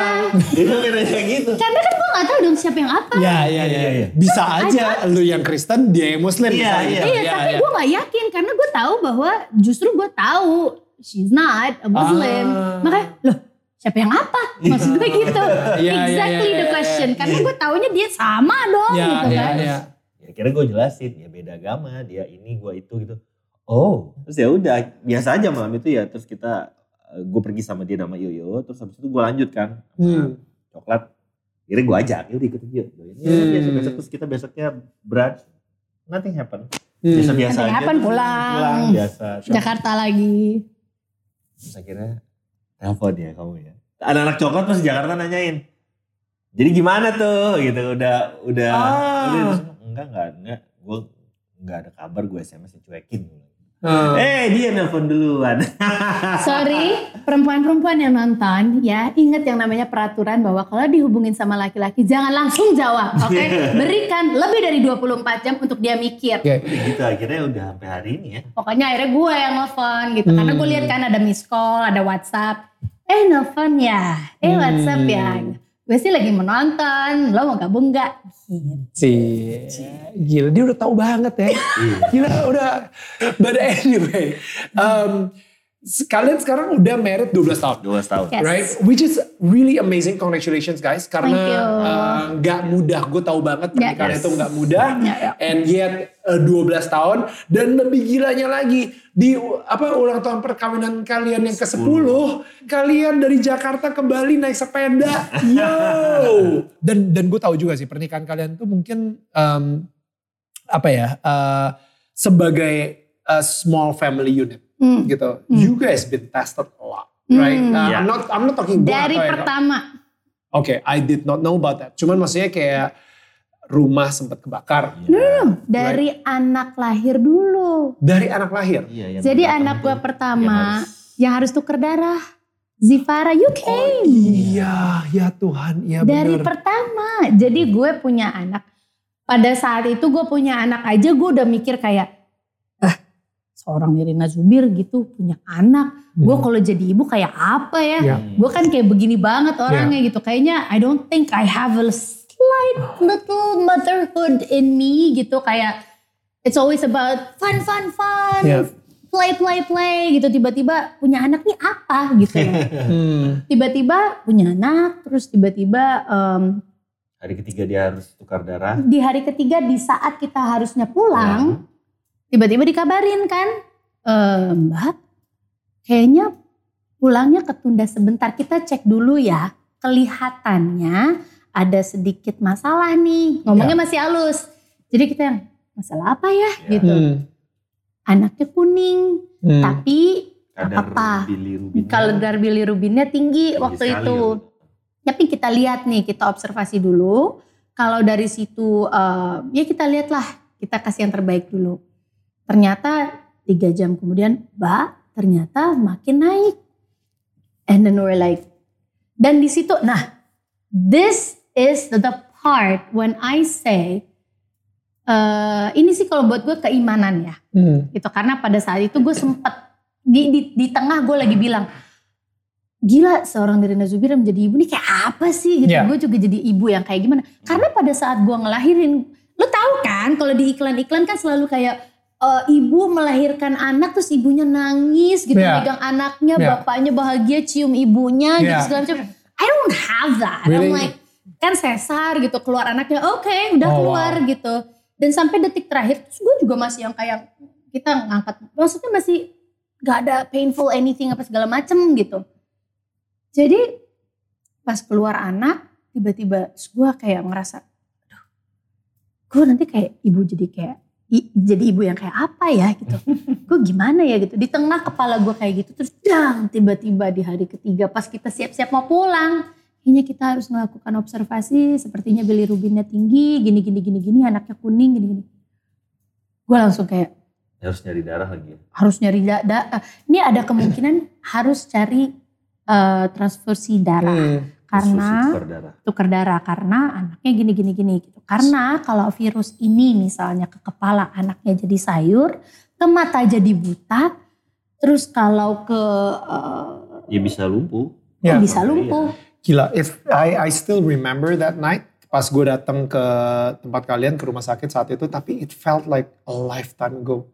Maksudnya, tapi berarti itu ada momen di mana lu tiba-tiba kepikiran, what if I lose this child? Yes. Ya kan? Gimana kalau misalnya gue sampai kehilangan anak pertama gue yang baru aja lahir tiga hari yang lalu? di situlah keibuan gue baru keluar Hmm. di situ baru gue nangis Hmm. gue pegang sarung tangannya dia gue bilang Ah, gue di situ baru bilang, oh my god, ini anak keluar dari gue. Ya. Segitu kayak, what if I lose this child? Hmm. Then I don't have a child. Then I'm not a mother. Hmm. Di situ gitu, baru dia kan da- baru detik itu aku nangis. Hmm. Baru di situ gue yang kayak, I am a mother. Dan lu sendiri gimana Nes? Perasaannya saat itu? Saat Sebenarnya itu? dari umur hamil 6 bulan tuh sempat ada pendarahan ya. Ingat gak? Hmm. Yes. Jadi Gue jatuh, aku jatuh. enggak, bukan. Tiba-tiba kamu Oh, bisa iya. bergerak sama sekali. Jadi memang Zizi tuh dari lahir tuh karena Dirina memang waktu sebelum menikah sempat bilang sama gue, gue ada miom. Oh iya benar. Iya, gue ada miom. Ada Hmm. kemungkinan kita susah punya anak. Dan Enggak, ada kemungkinan, gue udah didiagnosa ada kemungkinan gue nggak bisa punya anak. anak. God. Jadi kita Lo mau terima gue apa enggak? Terus akhirnya gue bilang, ya kalau gue kan emang orangnya positif aja ya. Hmm. Gue gak terlalu yakin gitu-gitu. Kita coba aja. Kalaupun itu ki- kita siap-siap untuk adopt ya. Hmm. Kebayang Nah, nggak kita udah ngobrolin ini pada saat kita pacaran gitu. Iya. Iya. Nah pas dari dia sempat pendarahan di usia 6 bulan tuh eh drop. Nirina gak bisa bergerak sama sekali di apartemen. Bener sakit perutnya. Mau panggil ambulan tapi akhirnya ada kursi roda di apartemen. Gue bawa masuk dia ke mobil. Kita berangkat ke rumah sakit. Pap, eh, Bu Yaya nelpon, sabar ya nak, kalaupun memang harus ada yang dilepaskan, maksudnya relain aja. Yang penting kalian berdua tetap masih bisa saling sayang gitu. Iya bu, iya makasih bu. Udah pergi ke rumah sakit, eh, udah udah udah lemas pucat. Hmm. Terus akhirnya dokter bilang, yaudah kita pakai sonar atau apa. Hmm. Cek. Sempet sempet se- sempet nggak ada suara, Nggak ada. nggak ngomong ke gua gitu. Detak jantung. Hmm. sabar ya Nas gitu dokter gitu. Iya iya dok siap. Cek lagi dia udah dimasukin painkiller dan bius segala macam kamu udah diem aja tuh. Hmm. Gue udah lupa ini, Terus gue udah. sampai tiga kali baru akhirnya dokter bilang masih hidup. Itu jadi dari dari hari itu gue sampai akhirnya Zizi umur tiga hari itu gue udah siap bahwa memang bahwa wah ini akan kejadian kayak gini-gini kemungkinan ada karena memang ya itu. Jadi si miomnya itu harus berlomba dengan Hmm. ukurannya Janinnya. Zizi. ya. Hmm. Hmm.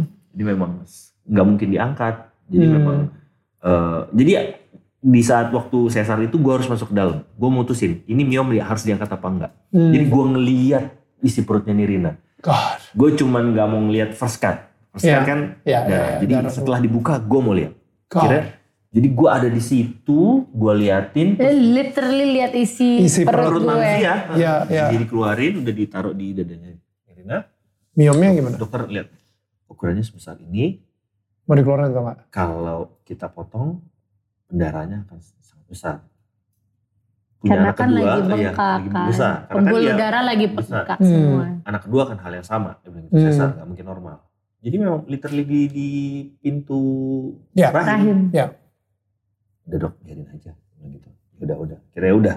Udah, udah ditutup segala macam. Jadi gue udah mengalami banyak hal yang bikin turun naik tegang nggak Ya. jelas gitu lah sampai akhirnya eh dengar kabar Billy Rubin seperti itu gue yang ya udah gue pikir ah gue yakin lah gue yang bilang ya karena gue emang tipikal orang yang eh selalu ngobrol sama Tuhan ya setiap Hmm. detik setiap menit kayak gue tuh kayak apa apa tuh gue, gue tuh kayak Dia komunik- tuh selalu nginget, enggak, it, Iya. it doesn't matter Mm-mm. of bahasanya. Ya, yang penting Yang penting ngobrol message-nya Wow. sampai. Iya. That's so good. Iya, gue sampai ajarin sama dia gitu loh. Maksudnya Gue gede di China, di Iya. mana yang lu lu kerja keras, Ya.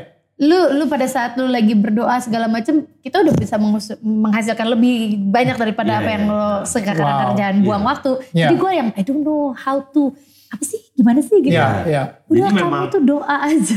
bukan soal masalah cara cara Bahasa beribadah, Atau atau ritualnya. Iya. bukan Ah. ritual yang diajarkan. Tapi cara lu koneksi Iya. sama Tuhannya gitu. Ya, Jadi it's dari awal pacaran pun gue udah bilang, nih setiap menit lu tuh doain bapak lu, ibu lu, abang lu beserta pasangannya semua, semua, semua. He teach me how to Iya, talk. sampai even keluarga gue juga Iya. sebutin satu-satu namanya. Setiap menit aja, nggak akan rugi kok lu. Iya. Misalkan Kalau lagi bengong. lagi ngomong, lu ngomongin itu aja. Lagi gua tulisin itu kayak nyetir. gini, lu omongin, lu omongin, Wow. lu, lu, lu obrolin, lu minta. Eh, karena memang nggak akan mungkin namanya jawaban itu bisa kedengeran di kuping kita gue bilang gitu. Iya. Tapi setidaknya kalau lu, lu memohon untuk dikasih jalan baik, lu kasih kemudahan, pasti pasti pasti kejadian kok. Karena kan memang ya Nirina kan tipe kalau orang Fight. Beijing banget kan gitu kan. Wah, wah, wah, wah, wah. Iya itu. Apa berenang dan mau di depan terus. Mau di depan Iya, terus. Iya, ya. betul sekali. Dan, Ya. Tapi gue bilang, tapi itu perlu dalam hidup tuh ada yang kayak gitu. Kira pas lagi. Tapi perlu juga ngebalance sama kayak lo yang berserah. Iya, Iya. iya, iya. Dan akhirnya gue pas saat itu sempat, gila gue udah drop banget. Akhirnya ya the power of Twitter dan Iya. BBM pada saat itu. Teknologi ya. Iya, akhirnya Hmm. dapet lah darah anak gue. Terus nunggu berapa jam dengan segala kesusahannya. Kita nggak usah bahas lah susahnya segala macam. Hmm, Pokoknya hmm. dapet. Lu datang, thank you. Hmm. Wah kita sangat Iya, senang we banget. love Lu- you. Iya, oh. Gue, to be honest itu udah lifetime ago. Gue sendiri juga Iya. lupa gue di sini. Iya, ngapain gitu. right. Lu Gila, baru, baru pacaran tuh. Oh, sama Viola ya? Iya, baru Oh jadi. my goodness. Oh dia juga datang ya? Datang. Oh my Iya, itu goodness. lu kenalin kita di situ. Oh, Oke. Terus akhirnya eh, operasi itu harus jam 4 pagi. Uff. Jadi tali pusar Zizi itu pakai alat pompa Aduh. dua. Ya. Yang satu nyedot, Yang satu masukin. Ah, untuk transfusinya. Iya, Ya. satu Oh, wow. nyedot. Karena masih tali ada Iya, dikeluarin. iya masih ada Jadi pusarnya. gue tungguin, dia gak boleh lihat. Dia Ya. harus tidur. Jadi, Ya. Karena memang semakin dia stres susunya gak keluar. Jadi memang Hmm. obatnya penurun bilirubin kan sebenarnya ASI. Cuman karena dia stres gak bisa keluar, dia juga badannya masih sakit. Kira gue gue temenin keluar masuk keluar, masuk gue liatin ya ini umur tiga hari udah kayak gini. dan jam setengah lima pagi selesai. Besoknya Hmm. bilirubinnya beres, Udah. langsung Bisa dibawa pulang. Ya. Pulang. Kita dua hari setelah itu baru pulang. Dan gue yang buruan pulang, buruan pulang. Karena memang ya, Iya. ya, ya pengen kan lo di rumah Iyalah. kerja dulu Ah. gitu kan, nggak ada siapa-siapa gitu kan. Dan sekarang Zizi juga sehat. Oh, wow. she's- She's an amazing girl. Like umur berapa sekarang dia? Berarti ya Mau 11. Udah sebelas, barusan ulang tahun. 11. So itu itu itu baru kayak setahun pertama I guess. Iya. Like lu dikasih ujian seperti itu. Iya. Dan gue Iya. gue tahu banget pasti ada banyak lagi. Maksudnya kayak Ya. Di situ gue ngilang tuh. Momennya pas yang gue bilang sama lo itu kan. baby blue itu. Baby blues. Terus gue juga milih film. Iya. Jadi gue pikir Iya. kayak. "Gak, gue, gue tuh anak keempat dari berlima. Tapi beda gue sama adik gue yang terakhir itu 17 tahun. So Hmm. I've been anak bungsu for about 17 years. Iya. Jadi kan kayak ya salah anak bungsu gitu kan. I get whatever I want, Iya. bla bla bla. Terus nggak dapet dikit nangis apa segala macam gitu kan. So I don't know gimana caranya membesarkan anak. Iya. Iya. I don't know. Iya. Of course. Se- Walaupun setelah ada proses itu segala macam, gue baby, I didn't know it was baby blues. Hmm. Gue taruh nih anak gue. Gue memilih tinggal di apartemen kan. Kita belum punya suster ya. kita belum punya suster. Enggak, emang kita nggak milih waktu itu nggak pengen pakai suster. Terus gue nggak mau deket sama orang tua dulu karena waktu itu kondisi anak gue yang harus steril, tidak boleh kena karbol, obat nyamuk, apa segala macem gitu. Jadi gue yang oke di apartemen aja, biar gue take care everything. Begitu, terus dia lagi konser terus, dia Hmm. lagi roadshow terus. Gue di rumah berdua sama dia dan I didn't know it was baby blues. Jadi gue taruh anak gue, lu tahu dong gue orang yang paling gak bisa gak ngomong kan, gue pasti ngomong terus. Begitu ada anak gue langsung gini doang. Ini, hmm, gue harus ngomong apa ya sama dia? Really? I do that. Yes. That happens. Toel, toel. Hello? I don't know what to do. Tiba-tiba dia nangis kan. Hah? Dia nangis. Oh my God, oh my God. Gue harus apa? Um, mm, then having a kid is like a never ending quiz kan. Iya. Dia waktu itu belum bisa ngomong. Gue sakit, gue lapar, gue aus. Iya. Dia belum bisa ngomong. Jadi dan gue anak bungsu selama 17 tahun. Iya. Jadi gue kayak, "Eh, oh apa sih berisik banget. Aduh apa sih gitu. Sampai akhirnya setiap kali dia nangis, gue nangis. Wow. Gue nangis lebih kencang lagi, dia nangis lebih kencang lagi. Jadi kita. Nangis nangis nangis sampai akhirnya that's why I pulled myself out of the entertainment world karena gue lagi ribet sama ini. Gue Iya. lagi bukan ribet sih, maksudnya Fokus, menghadapi. Iya, iya. fokus. Iya, iya. Sampai dia nangis sampai sampai terakhir udah nangis banget. Gue telepon dia. Dia mau lagi ada di mana pun di pelosok-pelosok juga. Ah, aku gak tahu harus gimana lagi. Kamu ngomong sama dia. Iya, iya. Every mother, Hmm. mungkin yang lagi nonton sendiri juga adalah seorang ibu gitu ya. Ya, ya. They feel like they're a bad mother. Oke? Ya. Dan sampai akhirnya dia nger- ngeliat kalau misalnya dengar dari cerita lo, Hmm. oh my goodness, gue juga kayak gitu. So It's normal. it's normal. It. It's not a bad motherhood. Yes. It's a normal motherhood. Iya. Di mana kita sendiri juga nggak tahu um, apa ya. uh, ya, it's a quiz every day. Kayak It's lu bilang quiz. itu. Jadi kayak lu sendiri juga nggak tahu ini harus ngapain. Tebak-tebak buah Dan lu manis. juga mikir kayak, wah gila ya, nyokap gue hebat banget. I'm just a bad mother. Sebenarnya enggak gitu. Enggak. you know, nyokap lu juga sebenarnya tebak-tebakan juga. Mungkin juga dulu gitu. Banyak kok ada hal yang gue rasain juga yang, oh gue gak pernah dapet ini dari nyokap gue. But I'm not telling her that she's not a bad mother. Hmm. Tapi emang ternyata kan informasi itu kan datangnya bisa di saat yang tepat, Betul. bisa saat yang telat, Iya, bisa iya, nggak dapat iya. informasi sama Iya. sekali gitu loh. Apalagi menjadi orang tua gitu loh. Ya, I didn't know what to do. Ih, Hmm. itu tuh bener-bener kayak, ini tuh bener-bener, I don't know what to do with her. Please, aku gak tahu kamu cepet pulang gitu. So ya yaudah jadi, sini sini sini. Aku ngomong sama dia. Gue taruh di speaker, gue kasih ke dia. Zizi, Zizi, wah Zizi, kenapa Zizi? Oh, Gue langsung kayak, wow, Ya. wow. Pokoknya simple itu. Setiap dia nangis, dia harus dengar. Gue telepon, gue speakerin, gue Wow. kasih suara dia. Wow. Iya. And it's, it's, ya maksudnya gini, it's not easy being a mother. Ya. Ada yang punya pengalaman baik, ada yang punya pengalaman yang bikin kaget, Iya. Atau perubahan hidup gitu. Buat Nirina ini adalah pengalaman yang benar-benar perubahan hidup gitu. So, um, baby bluesnya sendiri tuh boleh dideskripsiin nggak? Berarti lu kan nangis setiap hari Hmm. tuh. Like, like what, Oh what that's really, like tell me. I mean like it's it's real. Maksudnya It it's is, real. it Jadi is. kayak lu ngalaminnya seperti apa? Oke, baby blues itu adalah di saat kita perempuan kan merubah apa beru- mengalami perubahan fisik. Iya. Ya. Yang tadinya kita fit, Ya. yang tadinya kita kencang, kita tadinya sehat, tiba-tiba kita hamil, kita membesar, kita menebal gitu. Ya. Itu ya. Kan naiknya 25 23 kilo. Gila. 23 kilo itu lemak. Udah nggak tahu lagi mau taruh di mana. Hmm. Sampai terakhir ini lemaknya ngeledek banget tau nggak? Jadi dia taruh tuh ini nih udah penuh penuh penuh penuh penuh penuh. Di mana lagi ya udah penuh semua. Ngek di hidung. hidung lu membesar sempat. Hidung gue gitu. Unge, unge sama, unge lu juga sama sama gue, gue tahu banget loh, ya kan? It was literally hidung kita ber. Nah di situ dia udah ngelahirin segala macam fisik belum balik kan? Ah, terus Gila. orang selalu bilang gitu, don't push yourself, don't torture yourself, jangan nyiksa diri dengan menilai diri sendiri lo kayak gini, lo jadi ibu. Ya. Ini adalah hal yang paling membanggakan dalam diri lo.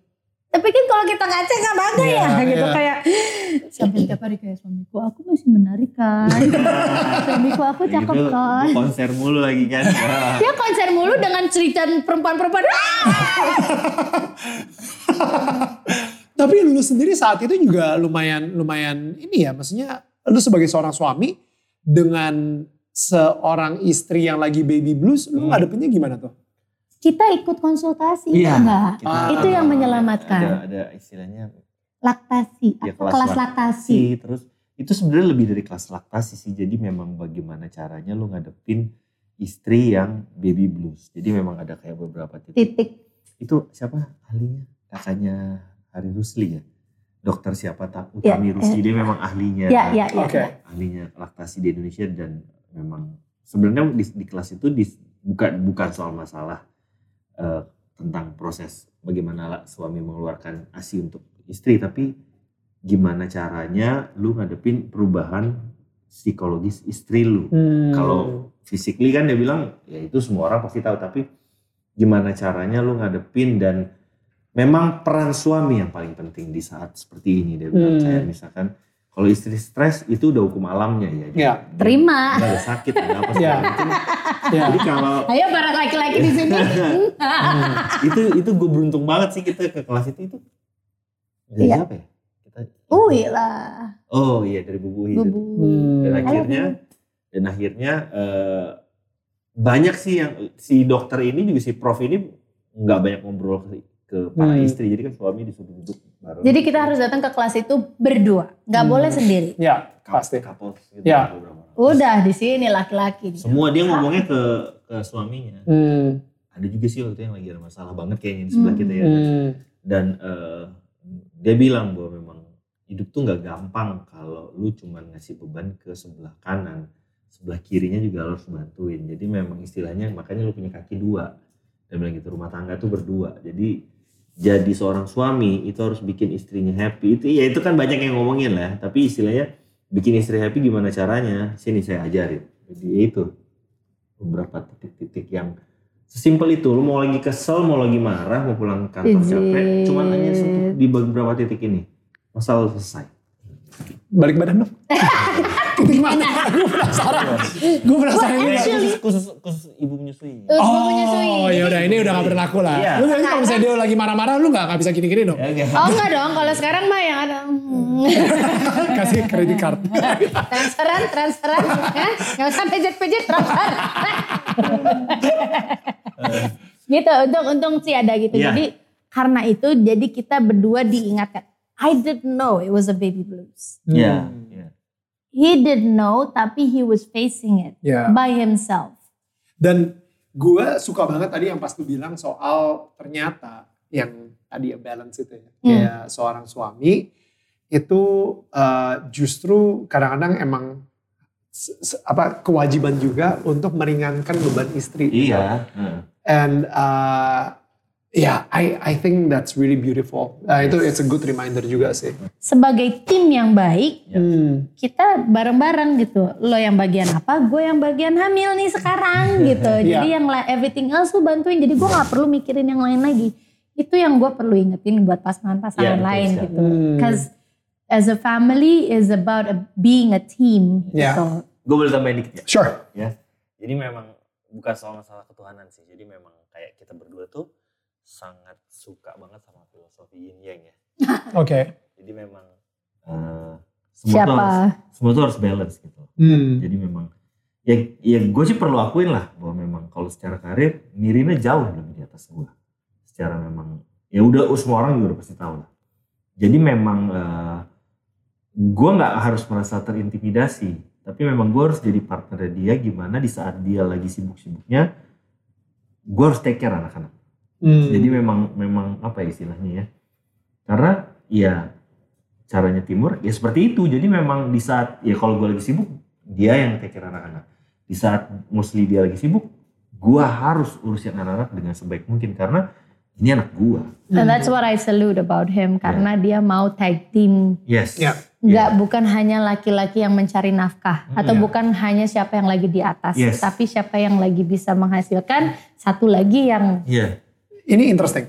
How do you do that? Kayak bukannya apa ya? Kayak ini nih, ini purely karena gue nanya aja. Uh, gue penasaran banget. Sebagai seorang suami, kadang-kadang kita ngerasa kita adalah pemberi nafkah. Iya. Kita yang Nah itu harusnya. yang saya perlu belajar juga sebenarnya. Ya kan, Gimana? kita adalah seseorang yang harusnya um, apa mungkin dari uh, gajinya atau pendapatannya harusnya Yes. lebih tinggi Yeah. daripada istri. Uh, karena apa?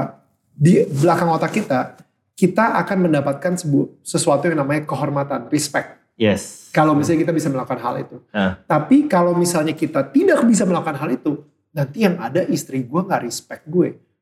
But um, itu kayak dipatahkan sama kalian.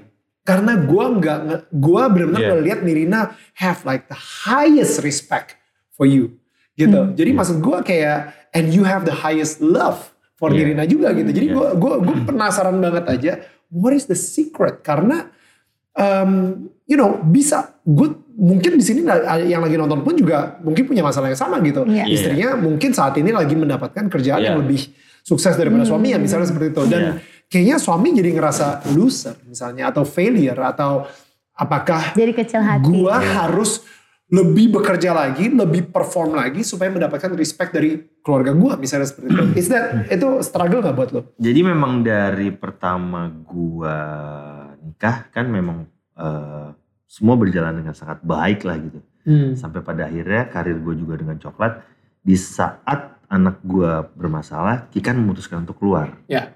Which is itu salah satu momen terberat pada saat itu buat coklat. Gue merasa, wow, ini it's more than double trouble buat gua gitu. Karena memang Hmm. coklat kan ya memang tumpuan hidup gue dan memang pada saat itu coklat sedang di atas-atasnya lah gitu. Dan Hmm. akhirnya gue bilang, oke gue gua gue pernah merasa harus rusak dan gagal bersama coklat eh, pada saat itu. Tapi gue sekarang punya keluarga yang harus gue jaga dan dan gue harus realistis eh, bahwa memang Nirina karirnya sedang bersinar bersinarnya. Apa pun yang terjadi, gue harus ada di belakang dia bersama anak-anak dan gue harus bikin dia happy karena memang gimana ya?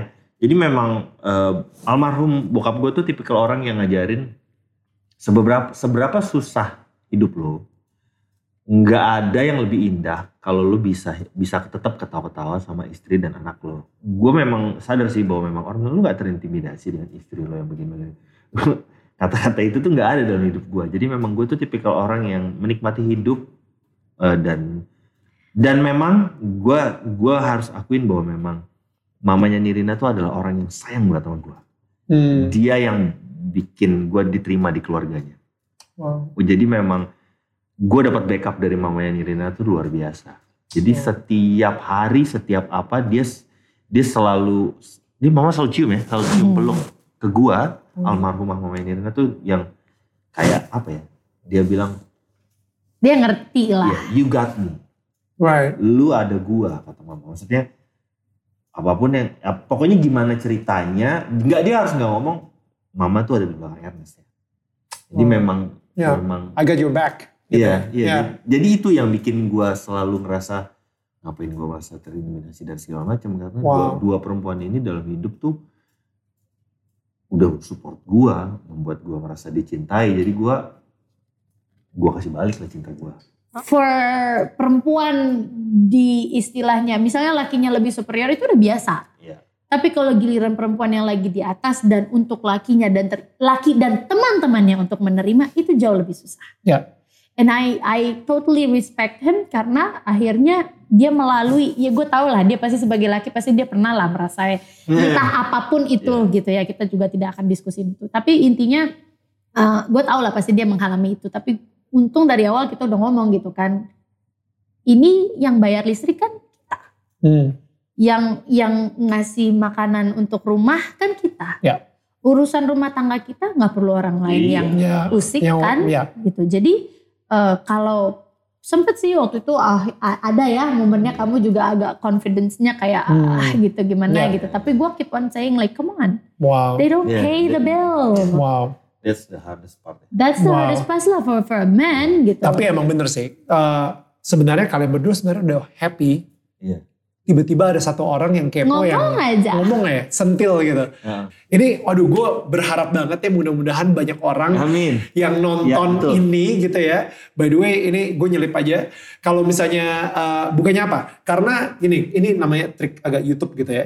Kalau misalnya lu ngedenger ini dan lu ngerasa kayak man I wish lebih banyak lagi orang denger soal ini. um, please banget lu klik like, lu klik subscribe, oke, lu klik share gitu atau lu komentar di bawah karena algoritmanya YouTube ini karena ini topik ini menurut gue isu yang sangat penting banget supaya kita bisa mematahkan sebuah stigma Ya. bahwa kalau misalnya perempuan lebih sukses daripada suaminya itu Ya. you know kayak you know like gue pengen matahin banget stigma tersebut Ya. sih, Ya. you know, and uh, malahan itu jadi apa ya akibat perceraian mungkin and everything Bisa. and and yet this is the secret gitu you know like this is uh, one of the biggest secret yang mungkin orang-orang juga harus tahu gitu Yeah. so yeah but moving on um, lu tadi kita kita apa ya kita mention banyak banget soal uh, almarhumah your Mom. mom, Yes. ya Hmm. nyokap lu gitu and I think I don't know like dari tadi tuh ketika kita nyeritain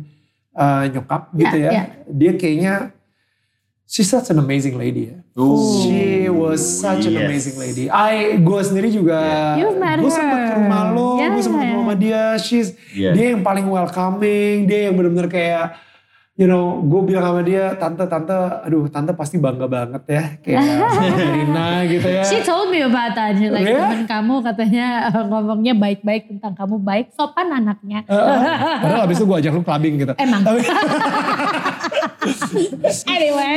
anyway, masa-masa MTV itu. Heeh. Tapi eh, jadi pas zaman tadi lu bilang kayak nyokap lu yang em, diem-diem nganterin lo. eh, Ini keringetan ya, ini keringetan, Iya, ini bukan it's okay, it's okay, it's okay, keringetan. it's okay, it's okay. Dan support Ernest juga. So gila sih. Gue I I I don't know if you received my text message when I heard that she passed away. Yeah. I actually texted you. Ya, ya. Cuman saat itu kayak cuman satu centang di WA. Jadi eh, kayaknya lu ada sempat masalah sama handphone lu juga. Ya, ya. Coincidentally. Gue hilang, hilang. Silang handphone kan dia. So ya Ah, karena itu. I felt the loss as well. Of course, she was my. If it wasn't because of her, ya maksudnya bu- keberadaan aku di dunia ini ya pasti kan karena ibu, Of gitu course. kan. Tapi maksudnya keberadaan di dunia entertainment itu Yeah. Nat tuh menjalankan impiannya dia, Ya, and she totally support me because she know that this is the world that she wanted to be in, and it it's fun, Yeah. And but she couldn't get it. ya, But ya udah, Yeah. gue kasih ini ke anak gue, ya. gue support gitu loh. So tell me like gini, the reason why I brought this up, um, banyak banget saat ini juga karena masa pandemi juga Yep. orang-orang banyak sekarang yang lagi nonton pun juga pasti merasakan kehilangan. Yep. Ya. you know uh, kehilangan orang yang tersayang, sahabat Hmm. tersayang dan lain-lain gitu. So um, I wanna I wanna relate like how did you go through it? Maksudnya that that that was such a huge loss in It your life was, gitu. It was. Waktu kehilangan gini, orang kan suka bilang ya, wah kalau lu bersyukur nyokap lu nggak nyusahin lo, meninggalnya di tidur. Jadi lo udah tinggal ngurusin aja, lo tinggal menguburkan aja atau memandikan dulu sebelum menguburkan. Udah gitu bikin pengajian. But what they don't know is kalau kehilangan orang sebegitu cepatnya, which is orang tua kita dalam You never said goodbye. you never you have unfinished business. Yeah. You're like, hah? Shocknya tuh nggak nggak keluar. Jadi waktu pada pas lagi pengajian pun, gue juga kayak nangis. Gue tuh lebih ke kayak, ah, hah, sih gitu loh.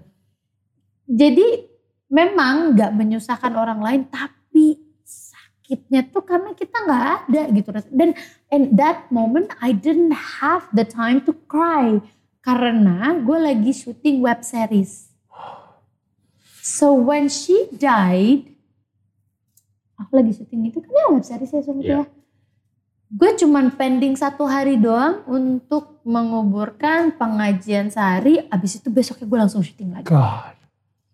Dan semua orang tuh pas lagi gue datang ke lokasi syuting, oh em, ada satu hal yang bikin gue hampir broke down. Jadi waktu gue jalan ke lokasi syuting setelah nyokap gue meninggal, terus gue bikin satu pengajian. Jadi gue cuma jeda satu hari, habis itu gue syuting.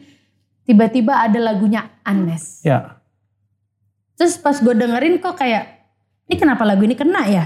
Kenapa lagu ini? Gue nggak akan nangis, gue nggak akan nangis. Wow. Ini apa ya? Ini apa ya gitu. Tapi udah, gue datang ke sampai ke lokasi syuting, tiba-tiba orang-orang pada ya seperti biasa dong, namanya orang berduka kan gitu semua yang oh, kuat ya nak. Terus gue langsung bilang stop, gue masih mau syuting, kita masih ada beberapa hari ke depan, Wow. gue harus menghadapi ini semua bareng sama kalian. Jadi just Act normal. act normal. Jadi bagian Jangan. itu ditutup, dulu Ditutup lah dulu, gitu. jangan kita bahas, jangan disenggol. Gue masih mau syuting. Oke? Jadi jangan ada yang ngasihanin gue, jangan ngasih gue muka sedih, gue mau syuting. Oke? Oke, yaudah, yuk. Biar lu berkabung setelah syuting selesai baru lu berkabung. Gue selesai web series, gue pergi ke Amerika, syuting lagi satu bulan. I didn't have time to cry. Wow. But I have him like, cuman kayak, baik-baik kan semua di Jakarta? Oke, baik. Oke, ya udah. Aku syuting ya? Ya. Everything fine? Everything fine. Ya ini gue yang gue bilang lagi, untung I have my support system and I, untung I have my team gitu loh. Jadi kayak, aku kerja ya, ya udah. Aku ke Amerika ya, oke. Sebulan ya, oke. Gue bawa satu anak gue ya, gue gak kuat nih. Oke, jadi gue bawa Zizi Hmm. udah jadi gue justru kayak di saat gue kehilangan nyokap gue gue bisa menjadi ibu untuk anak gue Hmm. gitu loh jadi kayak ya everything happen for a reason tapi the show must go on Ya. Ya. I didn't have time to cry. I was like Sampai hari ini. eh sampai akhirnya di Amerika selesai syuting gue ada satu hari break gue sama Zizi eh gue extend seminggu gue minta izin sama dia gue Hmm. bilang gue extend seminggu ya gue gue pengen bener-bener berdua sama Zizi. Udah gue di situ gue gue I broke down. And I have her. Itu yang bener-bener I'm really sad I want you to be my partner Eh, eh, pokoknya eh, losing a mom is not easy Sa- seperti apa pun hubungannya, my relationship with my mom was great, but there was moment that was not great. Yeah. But in the end, she's still your mom. Yeah. So, I told her, um, untung waktu itu dia ngasih gue uh, pergi sama Zizi gitu. Jadi gue benar-benar punya waktu mother and daughter time. Jadi so, gue nangis sama dia, gue gue peluk dia, terus dia uh, as a child juga dia ngerasa gitu. Jadi kayak oh gitu ya, gitu rasa bonding ke orang tua gitu. loh. So I still want to be a good example to her, even if relationship terhadap orang tua tuh nggak selalu mulus Iya. gitu. Iya. Tapi I just want her to know that I love her. Yeah. And it's amazing Sizi bisa ngelihat itu semua because it was your vulnerable moment Yes. dan dia bisa ngelihat kayak wow. I ya, still work. ya, um, that dan apa ya nggak nggak banyak loh apa anak-anak yang mendapatkan privilege untuk melihat orang tuanya vulnerable. Ya. Um, orang tua itu kayaknya selalu sempurna Iya. you know tapi di situ kalau misalnya lu nangis di depan Zizi juga lu bisa memperlihatkan kalau misalnya Gus adalah manusia juga kok Ya. yang yang bisa breakdown dan bisa nangis gue penasaran Zizi sendiri ngerasain apa saat itu ketika dia ngelihat ibunya yang selama ini dianggap dewa atau dewi gitu ya kayak tiba-tiba nangis aja gitu breakdown what was the how do you finish the unfinished business Jadi gue waktu ke Amerika tuh ada ketemu satu healer. oke Saking gue, uh, I didn't have time to cry at all gitu. Gue kerja kerja kerja kerja. Gitu. And then gue tiba-tiba ketemulah sama temen gue di Amerika gitu. Terus udah gitu kita ketemu ke healer. Hmm. Lo kayak punya unfinished business ya dia bilang gitu. Wow. Terus gue yang yes, but I'm not gonna tell you what gitu. No, you don't need to tell me dia bilang gitu. Uh, do you wanna let it go? Dia bilang Hmm. gitu. Of course, gue bilang gitu. Oke, yuk gitu. Kita ketemulah sama healer ini. Gak perlu, I don't know. It's just I, I'm a very, gue tuh apa ya?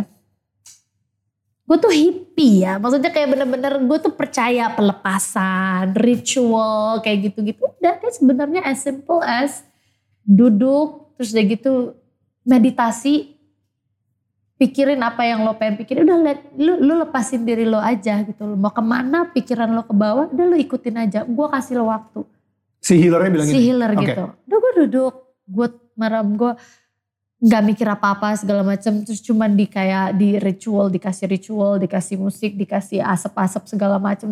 And then after that, gue kayak tiba-tiba gue nggak tahu ya kayak gue lagi meditasi gitu. Tiba-tiba gue ada di satu tempat yang tiba-tiba gue ketemu anak gue apa apa, apa, apa tiba-tiba nyokap gue di depan gue. Gue langsung wow. And then I said goodbye I was like thank you I'm sorry I didn't have to say goodbye I didn't have the chance to say goodbye but I thank you for all the things that you sacrificed for me Yeah. and I thank you for everything. And then she didn't say anything. She just looked at me. She smiled, wearing all white, and she walked away. And then when I opened my eyes, I cried. I cried. I Yeah. cried. I cried. Karena gue gak sempet nangis kan. Ya. Udah, ternyata it's okay to break down. Ya. It's okay not to be okay gitu. Hmm. Karena kita selalu merasa bahwa everything pasti kita bisa handle, everything kita kuat, everything bisa kita selesaikan. Tapi it's okay juga kalau lu breakdown, it's okay juga if you're vulnerable. Ya. Karena pada saat itu lo akhirnya lu ikhlasin, lu terima, lu ikhlasin. And then when my mom walked away and I opened my eyes, I'm like, gue nangisnya tuh sampai sakit banget. Ya. Baru abis itu gue, ah Wow. gila. You literally found healing. Yes. Ya. Udah dari situ gue langsung pelukan lagi sama anak gue. Udah gue jalanin hari-hari gue di Amerika itu bareng sama anak gue. Wow. That's beautiful. And I think ya mungkin nggak harus nemuin healer, nggak harus nemuin Setiap seseorang, orang setiap caranya orang beda-beda. caranya beda-beda dan mungkin lu bisa ngebayangin hal yang sama juga gitu. Apalagi kalau misalnya si orang tersebut yang lu sayangin itu emang udah di udah sama Tuhan kok, Ya. kayak Ya. gitu. I- I- itu salah satu yang bikin gue juga lega gitu. Karena kayak Pakai baju putih semua, ob- obviously, you know like, happy, smiling. ya ya Dan kayak oke she's in better place. ya, Ikhlasin aja, terima aja. Karena kalau kita sedihin buat apa gitu. and I Karena think she from up there wouldn't want you to be sad, overwhelmed. ya kan? So, um, gue pengen ngomongin mungkin sekarang ini dua was it no, wait, 2021 ya? 2000 oh no, 2020 akhir transisi ke 2021 Yes. satu keluarga kena Covid. Yes. Cluster keluarga. Cluster keluarga. Yes. You know dan um, ya, can you can you uh, tell us a little bit about the process? Kayak emang sih di media udah cukup cukup banyak gitu ya, tapi it's yeah, it's it's still quite shocking juga gitu. Jadi intinya, pokoknya kita tuh lagi ada kasus keluarga. Hmm. Jadi when my mom died, dia meninggalkan sebuah em, apa ya istilahnya sebuah kasus yang perlu kita pecahkan. Semua ada lagi ada di rumah sama anak-anaknya semua. Hmm. Kecuali kakak gue yang nomor dua itu Bang Wi dia kan emang rumahnya di Jakarta gitu, maksudnya di Hmm. BSD. Dia gitu. bisa bolak-balik lah. Dia bisa bolak-balik. Jadi kita lagi menyelesaikan sebuah kasus ini. Jadi ini berurusan dengan pertanahan ya gitu. Hmm. Jadi ke BPN lah Ya. gitu. Terus ke orang inilah pokoknya. Terus kok ke bank lah ke mana ke mana ke mana. Sampai pas lagi satu saat eh, tiba-tiba kakak gue bilang gitu. "Oh, Gak enak badan nih apa segala macam. Gue istirahat dulu ya gitu. Hmm. Oke gitu. Terus eh, dia dua hari lewat nggak lama kemudian terus kakak gue yang satu lagi gue juga gak enak badan nih gue ini istirahat dulu ya. Cuman kita cuma mikir karena my, my sister itu eh, si Uni itu emang kalau lagi eh, haid tuh emang lagi menstrual itu emang Hmm. memang seperti itu gitu. Jadi Hmm. kita nggak pernah ada yang curiga apa-apa gitu kan. Hmm. Sampai akhirnya kayak, Bun kok udah tiga hari kayak lu masih lemes banget sih gitu Hmm. perlu cek kali nggak gitu.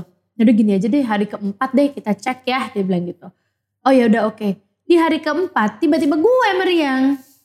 Hmm. Meriangnya tuh bener-bener yang sakit terus kayak pusing banget kayak badan pegel banget terus kalau dia terus gue bilang kan gue tolong pijitin dong gila sakit banget ini kayak nggak enak banget gitu. Hmm. begitu dia pijitin tuh rasanya kayak ada banyak nyeri gitu loh kayak ada banyak jarum-jarum yang nusuk gitu. Gue ah ini apaan? Gitu. Terus sambil pijitin lagi gitu terus gue yang udah gila sakit. Dah. Nggak lama kemudian gue udah dua hari kemudian hari ketiga dia juga.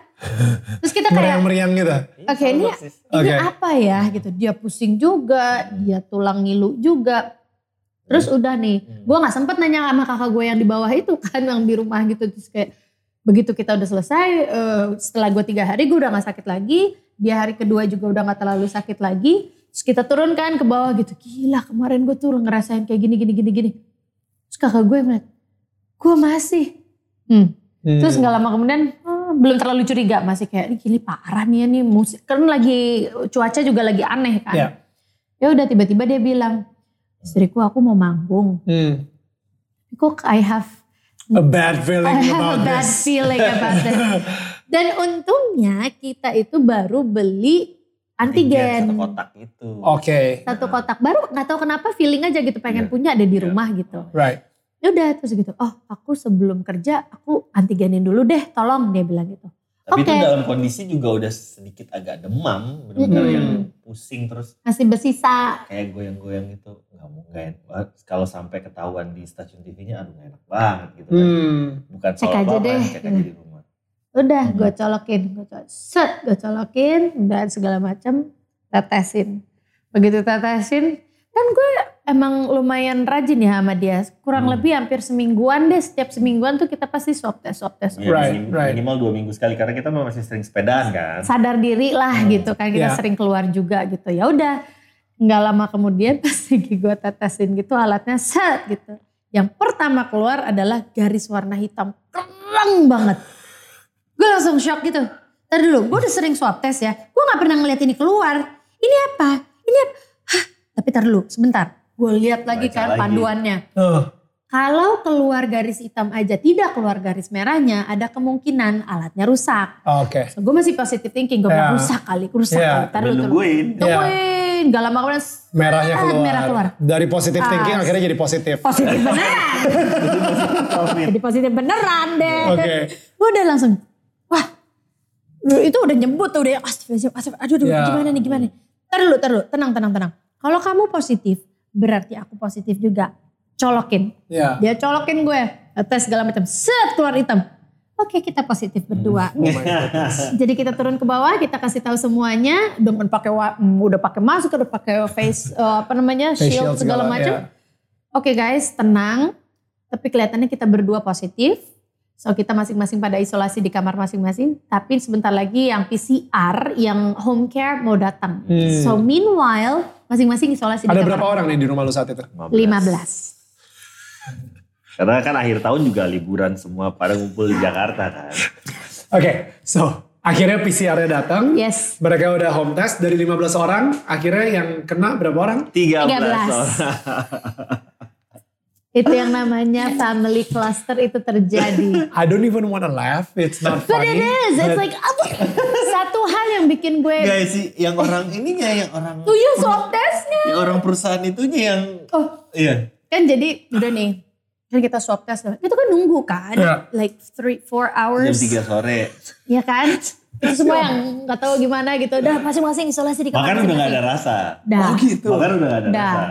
Terus udah nggak lama kemudian yang umum yang yang Yang punya, punya, perusahaan. perusahaan klinik swab testnya itu Eh, PCR testnya itu. Tapi seriusnya, Mbak Nirina, I'm so sorry. Saya shock sekali. Tapi ini hasilnya. Jebret, jebret, jebret, 13, tutut, tutut, tutut. Gue bukain satu-satu. Positif, Buset, positif.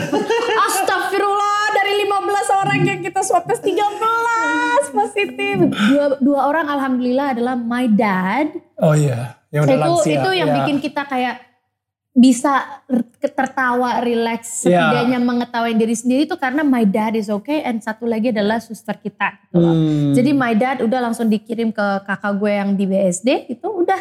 Habis itu kita udah yang ya lah positif deh Iya, udahlah kita kita isolasi mandiri isolasi mandiri lah kita gitu. Kamu apa yang dirasain? Kamu apa yang dirasain? Udah ngomong-ngomong-ngomong ya udah. Tapi kan jadinya sekeluarga. Iya. But my brother itu ada um, Hipertensi. hipertensi, berdarah tinggi, dan my sister itu ada asma. Itu Hmm, yang lumayan Itu kita yang agak. bikin kepikiran ya. Oh, gimana? Secara mental ya. Mm-mm. Hmm. Terus habis itu eh, ya ini sih everything happens for a reason ya gitu. Eh, kita kan masih kontak-kontakan sama Ringo kan, Ringo Hmm. Agus Rahman. Ringo Agus Rahman juga adiknya itu baru aja dia ba- baru ngabarin kayak sehari sebelumnya gitu kayak Hmm. eh si Ojan kena nih gitu, adik gue Hmm. kena gini segala macam gitu. Hah kena? Yolah terus gimana? Ya udah kita eh, akhirnya kita urusin gini gini gini gini. Dah. Oh ya udah kabarin ya kabarin ya oke. Segala macam kemudian pas kita kita kena kan gitu. Bah kita kena. Ini gimana gitu. Oke oke tenang tenang. Eh, pokoknya eh, eh, pikirin aja dulu nanti siapa yang kira-kira mau diisolasi mandiri apa segala macam. Jadi dia men- untungnya karena ada pengalaman itu jadi dia menuntun kita gitu. What to do. Jadi benar-benar yang I thank God dan terima kasih ya Ringo Agus Rahman, abahku sayang you, karena dia Suami kita di- di layar. Di layar besar. Ya, jadi karena dia jadi kita ketuntun gitu. Maksudnya eh, ini kerjain ini dulu, lu punya ini apa enggak, lu punya nomor telepon ini apa enggak, tut, tut, tut, tut, tut. jadi gue bisa akhirnya siapkan diri. Makanya waktu pas lagi gue kena, tuh gue bikin video panduan what to do-nya Kalau tuh misalnya sampai lu kena juga. Iya. dan- ya, what to karena beneran waktu pas Gak kita boleh panik. Ya. gak boleh panik sama sekali Iya. karena ya manusiawi lah pasti kita panik. Sesek gak? Saat itu kalian berdua itu sempet ngerasain sesek. eh, tadi kan udah gak bisa nggak bisa taste ya, cuman nggak Jadi bisa cium juga. Gua, gua tuh kan eh, sempat demam, turun, terus di hari kelima gue ngerasa kayaknya gue udah mulai oke nih. Hmm. Jadi jemur pasti, terus gue sempat udah traineran sepeda di rumah. Oh ya. Maksudnya gue pikir ini buat ngangkat imun gue lagi. Ternyata nggak boleh. Oh. Oke. Nggak boleh terlalu capek. Akhirnya di hari ke-13 itu gue demam lagi. Hmm. Saturasi sempat turun ke 94 dan agak sedikit sesek. Dan Hmm. kita kan memang ada kelas meditasi gitu kan, Hmm. pernapasan. Coba ini lagi, balikin berapa jam, udah naik lagi ke 96. Itu susah banget nafas. Tapi nggak nggak se, nggak separah itu sih, cuman memang itu benar-benar kayak nafas tuh kayak nggak lega gitu. Ada ada yang nyangkut gitu. Iya. Ya. Dan ya kira ikut prosedur dari dokter, minum ini, minum apa segala macam. Hari ke-16 swab test lagi, eh gue negatif dia masih positif. Padahal yang berapa hari sebelumnya demam lagi tuh gua. Iya. Iya, iya, iya, iya. Iya. Jadi kan kita kan memang eh, planningnya adalah hari ketujuh swab, hari ke-14. Enggak, hari 14 swab, hari 14. Oh, enggak, hari ke-14 swab. Karena kita memang eh, dibilangin kan kalau normalnya Dua minggu lah. Dua minggu. 7 sama 2 14 biasanya jadi dua kali gitu. Jadi buat Enggak, ngedapetin 14 sama Enggak 7 dua- sama 14. 10 sama itu. Karena kita kan skipin karena kita pikir udahlah kita sekalian 14 aja. Jadi kita ke 14 itu baru swab. Ternyata di hari ke-14 dia demam, 13 demam, akhirnya diundur ke kita hari 16. undur. Ternyata dia hasilnya negatif. Lu masih positif. Yang lain negatif, anak gue negatif, negatif, negatif, negatif, negatif, negatif. Pas gue ngeliat, kok gue positif? Hmm. Padahal itu dia tiap hari yang paling sering berjemur, yogaan dulu, apalah segala macam. Ah, paling zen. Wow. Sedangkan gue masih sempet merasa Demam lagi, ya. Kalau anak-anak sih gak ada masalah sama sekali. Cuma Ya. satu hari aja Ya, panas. panasnya juga panas. Iya, iya, iya. Kasih Mereka kuat paraset- banget sih. Heeh, Iya. kasih paracetamol. Tadi gue berpikir kayaknya gue nih yang masih, Iya. ya, apa- apakah Nah kalau- gue karena ngelihat dia begitu gue pikir ya udahlah setidaknya alhamdulillah mudah-mudahan anak-anak sehat gue punya Hmm. waktu lagi berdua, sama Berdua, dia gitu. Ah, iya. isolasi mandirinya lanjut gitu gue berdua Ding gue ngeliat hasilnya negatif terus gitu oh ah hah itu kok juga dia negatif gitu. Jadi kayaknya nih ya, ah kalau kamu negatif aku juga pasti negatif nih. Pas, nggak entah kenapa dia paling terakhir hasilnya. Iya. Beda berapa menit. Hari ha- eh, itu hari keberapa by the way? Itu hari ke-16. Iya, Nah, 16. Oke, oke. 16. udah pas saya hari ke-16 itu semua udah dapat negatif negatif negatif negatif alhamdulillah punya Punya gue kok belum ya gitu Delay 15 menit punya Nirina. nah, Itu asli kita nungguin kayak masih deket-deketan gitu.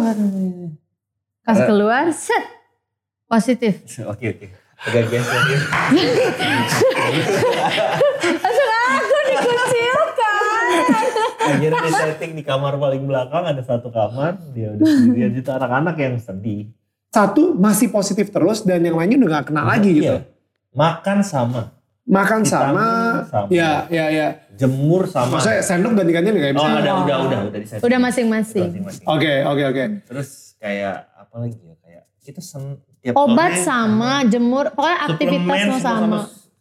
olahraga apa kita ada kayak senam-senam gitu lah tiap sore pagi juga berjemur. Mungkin ya karena dia masih mikirin abang dan kakaknya dan keluarganya. Itu Hmm. jadi dia memang pikiran banget. Akhirnya sampai hari ke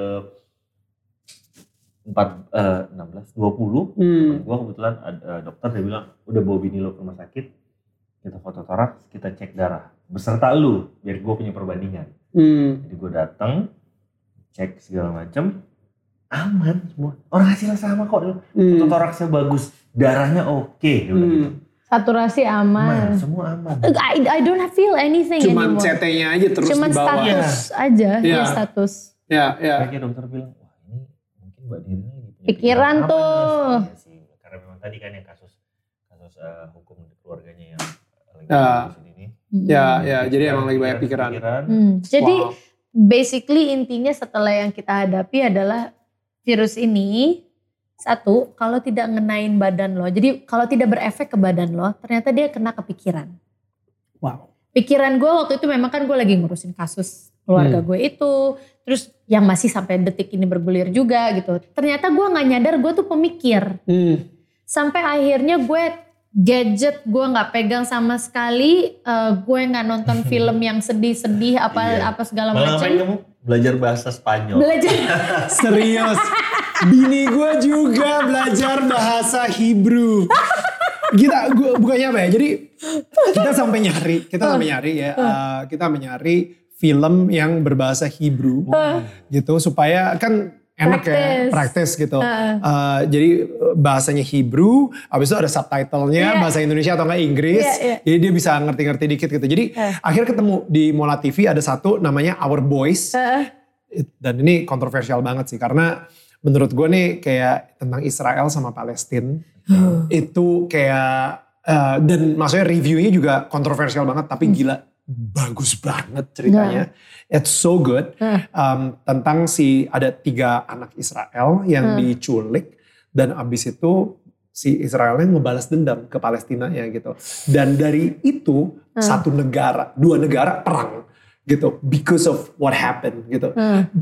jujur maksud gue gue rekomend banget kalau misalnya kalian punya Iya. waktu ya Iya. nonton gitu ya Iya. tapi di situ kita jadi kayak ngedengerin bahasa Hebrew-nya gitu kayak oh ya itu baru belajar tuh yang tadi tuh sama kan Tranquilo, tranquilo. Tranquilo, tranquilo, tranquilo. Iya, iya, Spanyol, Spanyol. Hola. Oh, hola, soy soy Nirina. oh, habla española. lu oke jadi oke that's oke sorry ya agak-agak melipir bentar tapi lu sendiri akhirnya dari yang tadinya nonton abis itu dan itu masih bareng dong ya Itu abis itu udah. eh, mulai belajar bahasa Spanyol itu masih bareng apa Ya, jadi gue kan tadinya sama mereka kegiatan gue jadi nggak terasa berat karena gue bareng kan. Gue Ah. nonton bareng, anak-anak main game, jemur bareng, olahraga bareng, makan ma- siang bareng, makan Right. malam bareng. Begitu mereka semua udah negatif, which is Desember menuju tahun baru, Ya. mereka pek semua negatif tinggal gue. Tahun baru gue sendirian di rumah, gue lihat di bawah mereka tuh lagi pada main kembang api. Gue tahun cuma baru usah, usah. tiga dua satu happy new year nangis. nangis Anak-anak nangis. Oh, Oh dia my pengen God. peluk mama. Dia cuma peluk gitu Iya, kan. Nggak mungkin lah. Cuman gue udah yang ya udahlah nggak apa-apa. At least we can see each other. Gue bilang tapi gitu. gue sempat bilang kalau misalnya eh, yang diserang adalah mental banget Yes, so um, that was mine. Ya, maksudnya, you know, sekarang ini banyak banget juga orang yang lagi struggling Yep. mentally. Yep. You know, bukan cuman, I mean, bukan cuman karena COVID aja, Yep. tapi because uh, loss of jobs juga. Yep. Maksudnya a lot of uncertainties gitu Yep. kan. Nah, um, can you describe to me like kayak secara mental lu diserangnya seperti apa sih saat itu? Kalau gue waktu Takut. itu di gini, gue nggak nyadar malah ternyata gini, immune system kita kan orang suka bilang, lo tuh kena pasti karena imun sistem lo lagi drop. Mana kita tahu imun sistem kita lagi drop? Gue masih olahraga kok, Hmm. gue masih ngobrol fine fine aja dan gue tidak dia merasa jaga macam. makan banget terakhir kemarin. Kan Iya. lagi dihitung banget semuanya. Wow. Nutrisinya lagi pas. Tapi gue akhirnya ngerasain bahwa ada satu hal yang kita kelewat. Kita pengen sehat. Kita pengen eh, ngejaga immune system kita. Tapi ternyata pada saat kita punya waktu kita olahraga berlebihan. Ya. Yang akhirnya kita jadi overtrain. Ya. Overtrain akhirnya badan kita kan juga letih. Hmm. Immune system kita juga jadi drop. Jadi Hmm. kemungkinan kita bisa kena sebenarnya salah satunya justru karena olahraga terlalu kebanyakan. Wow. Tidak ada rest time. Ya, ya. Terus lo jadi kayak ya udah berlebihan jadinya. Jadi ya itu gue bilang kalau nggak fisik lo yang kena pikiran pikirannya tuh lebih ke itu. Gue nggak nyadar bahwa ternyata gue tuh orangnya mikir. Hmm. Bukannya gue kena anxiety attack ya. Hmm. Beda lagi. Ada yang kena anxiety attack. Ya. Kalau gue nggak kena anxiety attack karena gue udah Ringo sudah ngasih tahu, oke, yang lo harus kerjain ini, ini, ini, ini. Tenang, lo jangan panik, gini-gini karena lo panik, lo nanti nggak akan ada kelar gitu. Hmm. Lo selesain satu-satu apa segala macam. Oke gitu. Jadi gue nggak panik sama sekali. Tapi gue nggak sadar alam bawah sadar gue tuh gue mikirin ini kasus gimana ya. Gitu. Hmm. Jadi gitu gue masih ada di WA grup yang ada laporan terus gitu kan kayak nih perkembangannya gini, nih perkembangan. Hmm. Sampai akhirnya gue bilang, kayak gue harus pamit dulu deh dari WhatsApp grup ini. Hmm. Terus gue nggak pegang handphonenya gitu. Jadi gue makanya gue bikin video, gue menyatakan gue itu maksudnya jadi kalau sampai gue nggak bales apa segala macam itu karena gue lagi resting. Hmm. Dan satu hal lagi yang perlu kita perhatiin kalau kita ternyata juga terkena COVID, tidur. Waktu tidur itu adalah hal yang paling penting dalam rest time kita. Wow. Karena kan badan kita itu hmm, recovery-nya itu Ya. setelah jam 9 malam. Ya. 9 malam nanti ada bagian anatomi tubuh kita yang lagi memperbaiki diri 10, 11, 12. Tapi kalau kita mulai tidur jam 12 berarti kan jam 9, 10 itu kelewatan tuh yang lagi Ya. mer- memperbaiki gitu kan. akhirnya lu nge-battle si yang lu bilang kan kayak diserang secara mental. Iya. Lu nge-battle-nya seperti apa? Jadi tadi kan lu udah ngomong soal tidur. Ya. Lu ngomong soal uh, udah deh umpetin gadget aja deh atau iya. nggak ada gadget sama sekali. Uh, dan akhirnya lu mulai dong kayak berdialog dengan diri lu sendiri. Um, karena gue punya waktu untuk diri gue sendiri yang which ternyata selama ini gue tidak punya. Hmm. Karena gue selalu entah sama dia, sama anak gue, sama Wow. kakak gue, sama bokap gue, sama siapa pun di rumah atau kita Ya. kerja gitu kan. Jadi gue waktu gue dua minggu ya suamiku ya Iya. bedanya antara kamu sama aku ya. Dua minggu selama 14 hari lu sendirian, Gua sendirian. aja di kamar. Di kamar. dari dua minggu sih itu. Lebih dari dua- Gila.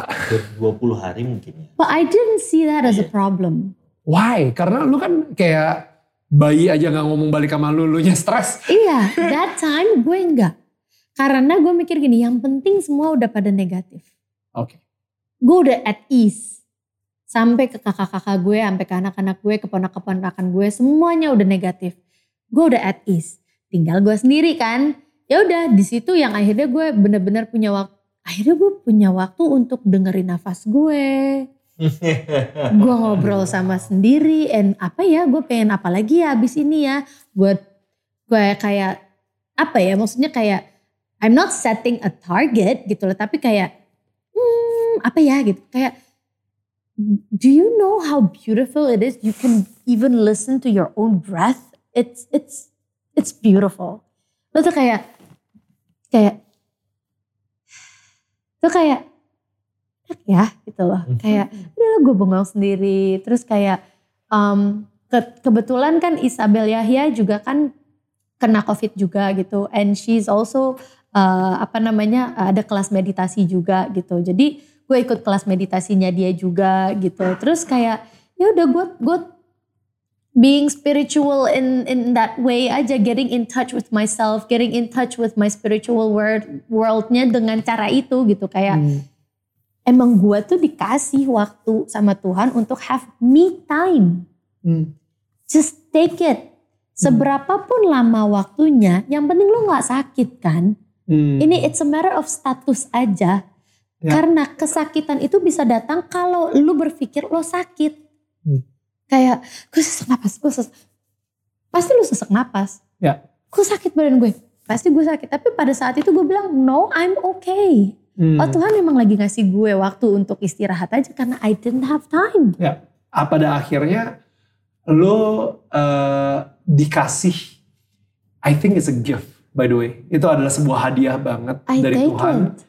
Dua minggu Ya. dan sebelum lo akhirnya syuting ke keluarga Cemara 2 juga gitu kan. Iya. Jadi lo at least punya waktu dua minggu untuk kayak bisa ya get to know yourself better, Yes. appreciate your breath Yes. gitu kan. Dan um, ya what change ketika sekarang ini lu udah tahu kalau misalnya lu sebenarnya nggak perlu lari kok. Lu boleh jalan and enjoy the moment gitu. Justru keberadaan kita, kebersamaan kita pas lagi saat COVID itu hal yang priceless buat kita. Ya, Being intimate, being that close to each other 24 hours Yeah. for two weeks, which I don't have. ya, And for me, gue pas lagi selesai mereka udah tuh udah lebih tenang lagi gue. Dan what changes me tuh sekarang jadi kayak, karena pada saat dua minggu itu gue sendiri, gue akhirnya berserah diri, gue bilang gini, Tuhan gue terima apa pun yang lo sekarang lagi kasih ke gue. Ya. Gue bersyukur, gue sangat bersyukur gue dikasih waktu untuk diri gue sendiri. Dan apa namanya, gue tuh semua tuh udah dijadwalin ya. Termasuk kayak waktu itu kan mau syuting ke keluarga Cemara kan. Jadi terkenanya gue sama covid sampai akhirnya gue selesai. Itu pas di ulang tahunnya dia. gila. Pas banget ya. Pas di ulang tahunnya dia. So itu yang bikin gue makin kayak Tuhan tuh udah ngatur semuanya. Wow. Ya.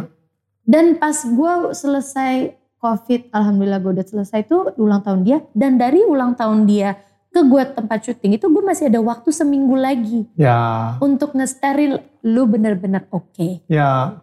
Dan at least spend time sama Lagi anak-anak sama lagi anak-anak. yang Dikasih dua lagi minggu break. seminggu. Ya, ya. Gue setelah dua That's so minggu gue nice. sendiri gue seminggu lagi gue dikasih waktu sama anak-anak sampai akhirnya gue syuting lagi sebulan lagi ke puncak gitu. Ya, Tapi sebelumnya gue udah ngerasain the quality ya. for being with myself, Yeah. being with my family, my small family, my big family gitu ya, loh. Ya, Jadi gue tuh udah kayak like a restart. Ya. it's a restart dan dari situ tuh udah mikir kayak Daya kita tuh kayak nothing else matter because we have each other gitu loh. Hmm. Apa pun yang kita hadapin, apa yang pun kita jalanin itu I don't want to see it as a problem. Ya. itu adalah sesuatu yang kita harus jalanin aja gitu. Hmm. It's not some- karena begitu kita menghadapi itu sebagai atau menganggap itu sebagai masalah akan jadi masalah. Sure. Guys, um, gue sebenarnya masih bisa ngobrol lebih panjang lagi. Tapi uh, sepertinya kru-kru kita sudah pada lapar ya. Sudah pada miring. Kamera miring gak tuh? Lurusin boleh gak? Dia yang udah miring gitu. But uh, Nirina, Ernest, thank, you Thank so you, much. thank you so you, much. thank It's you. uh, what a joy. Like, you know, just talking to you guys. Dan Mm-hmm. kayaknya gue juga dapat pelajaran banyak banget juga dari sharingnya Ernest juga tadi Thank gitu. you. Guys, uh, kalau misalnya kalian uh, ngerasa ada beberapa part dari cerita Nirina yang benar-benar kena banget ke salah satu tetangga kita gitu, tetangga kamu juga.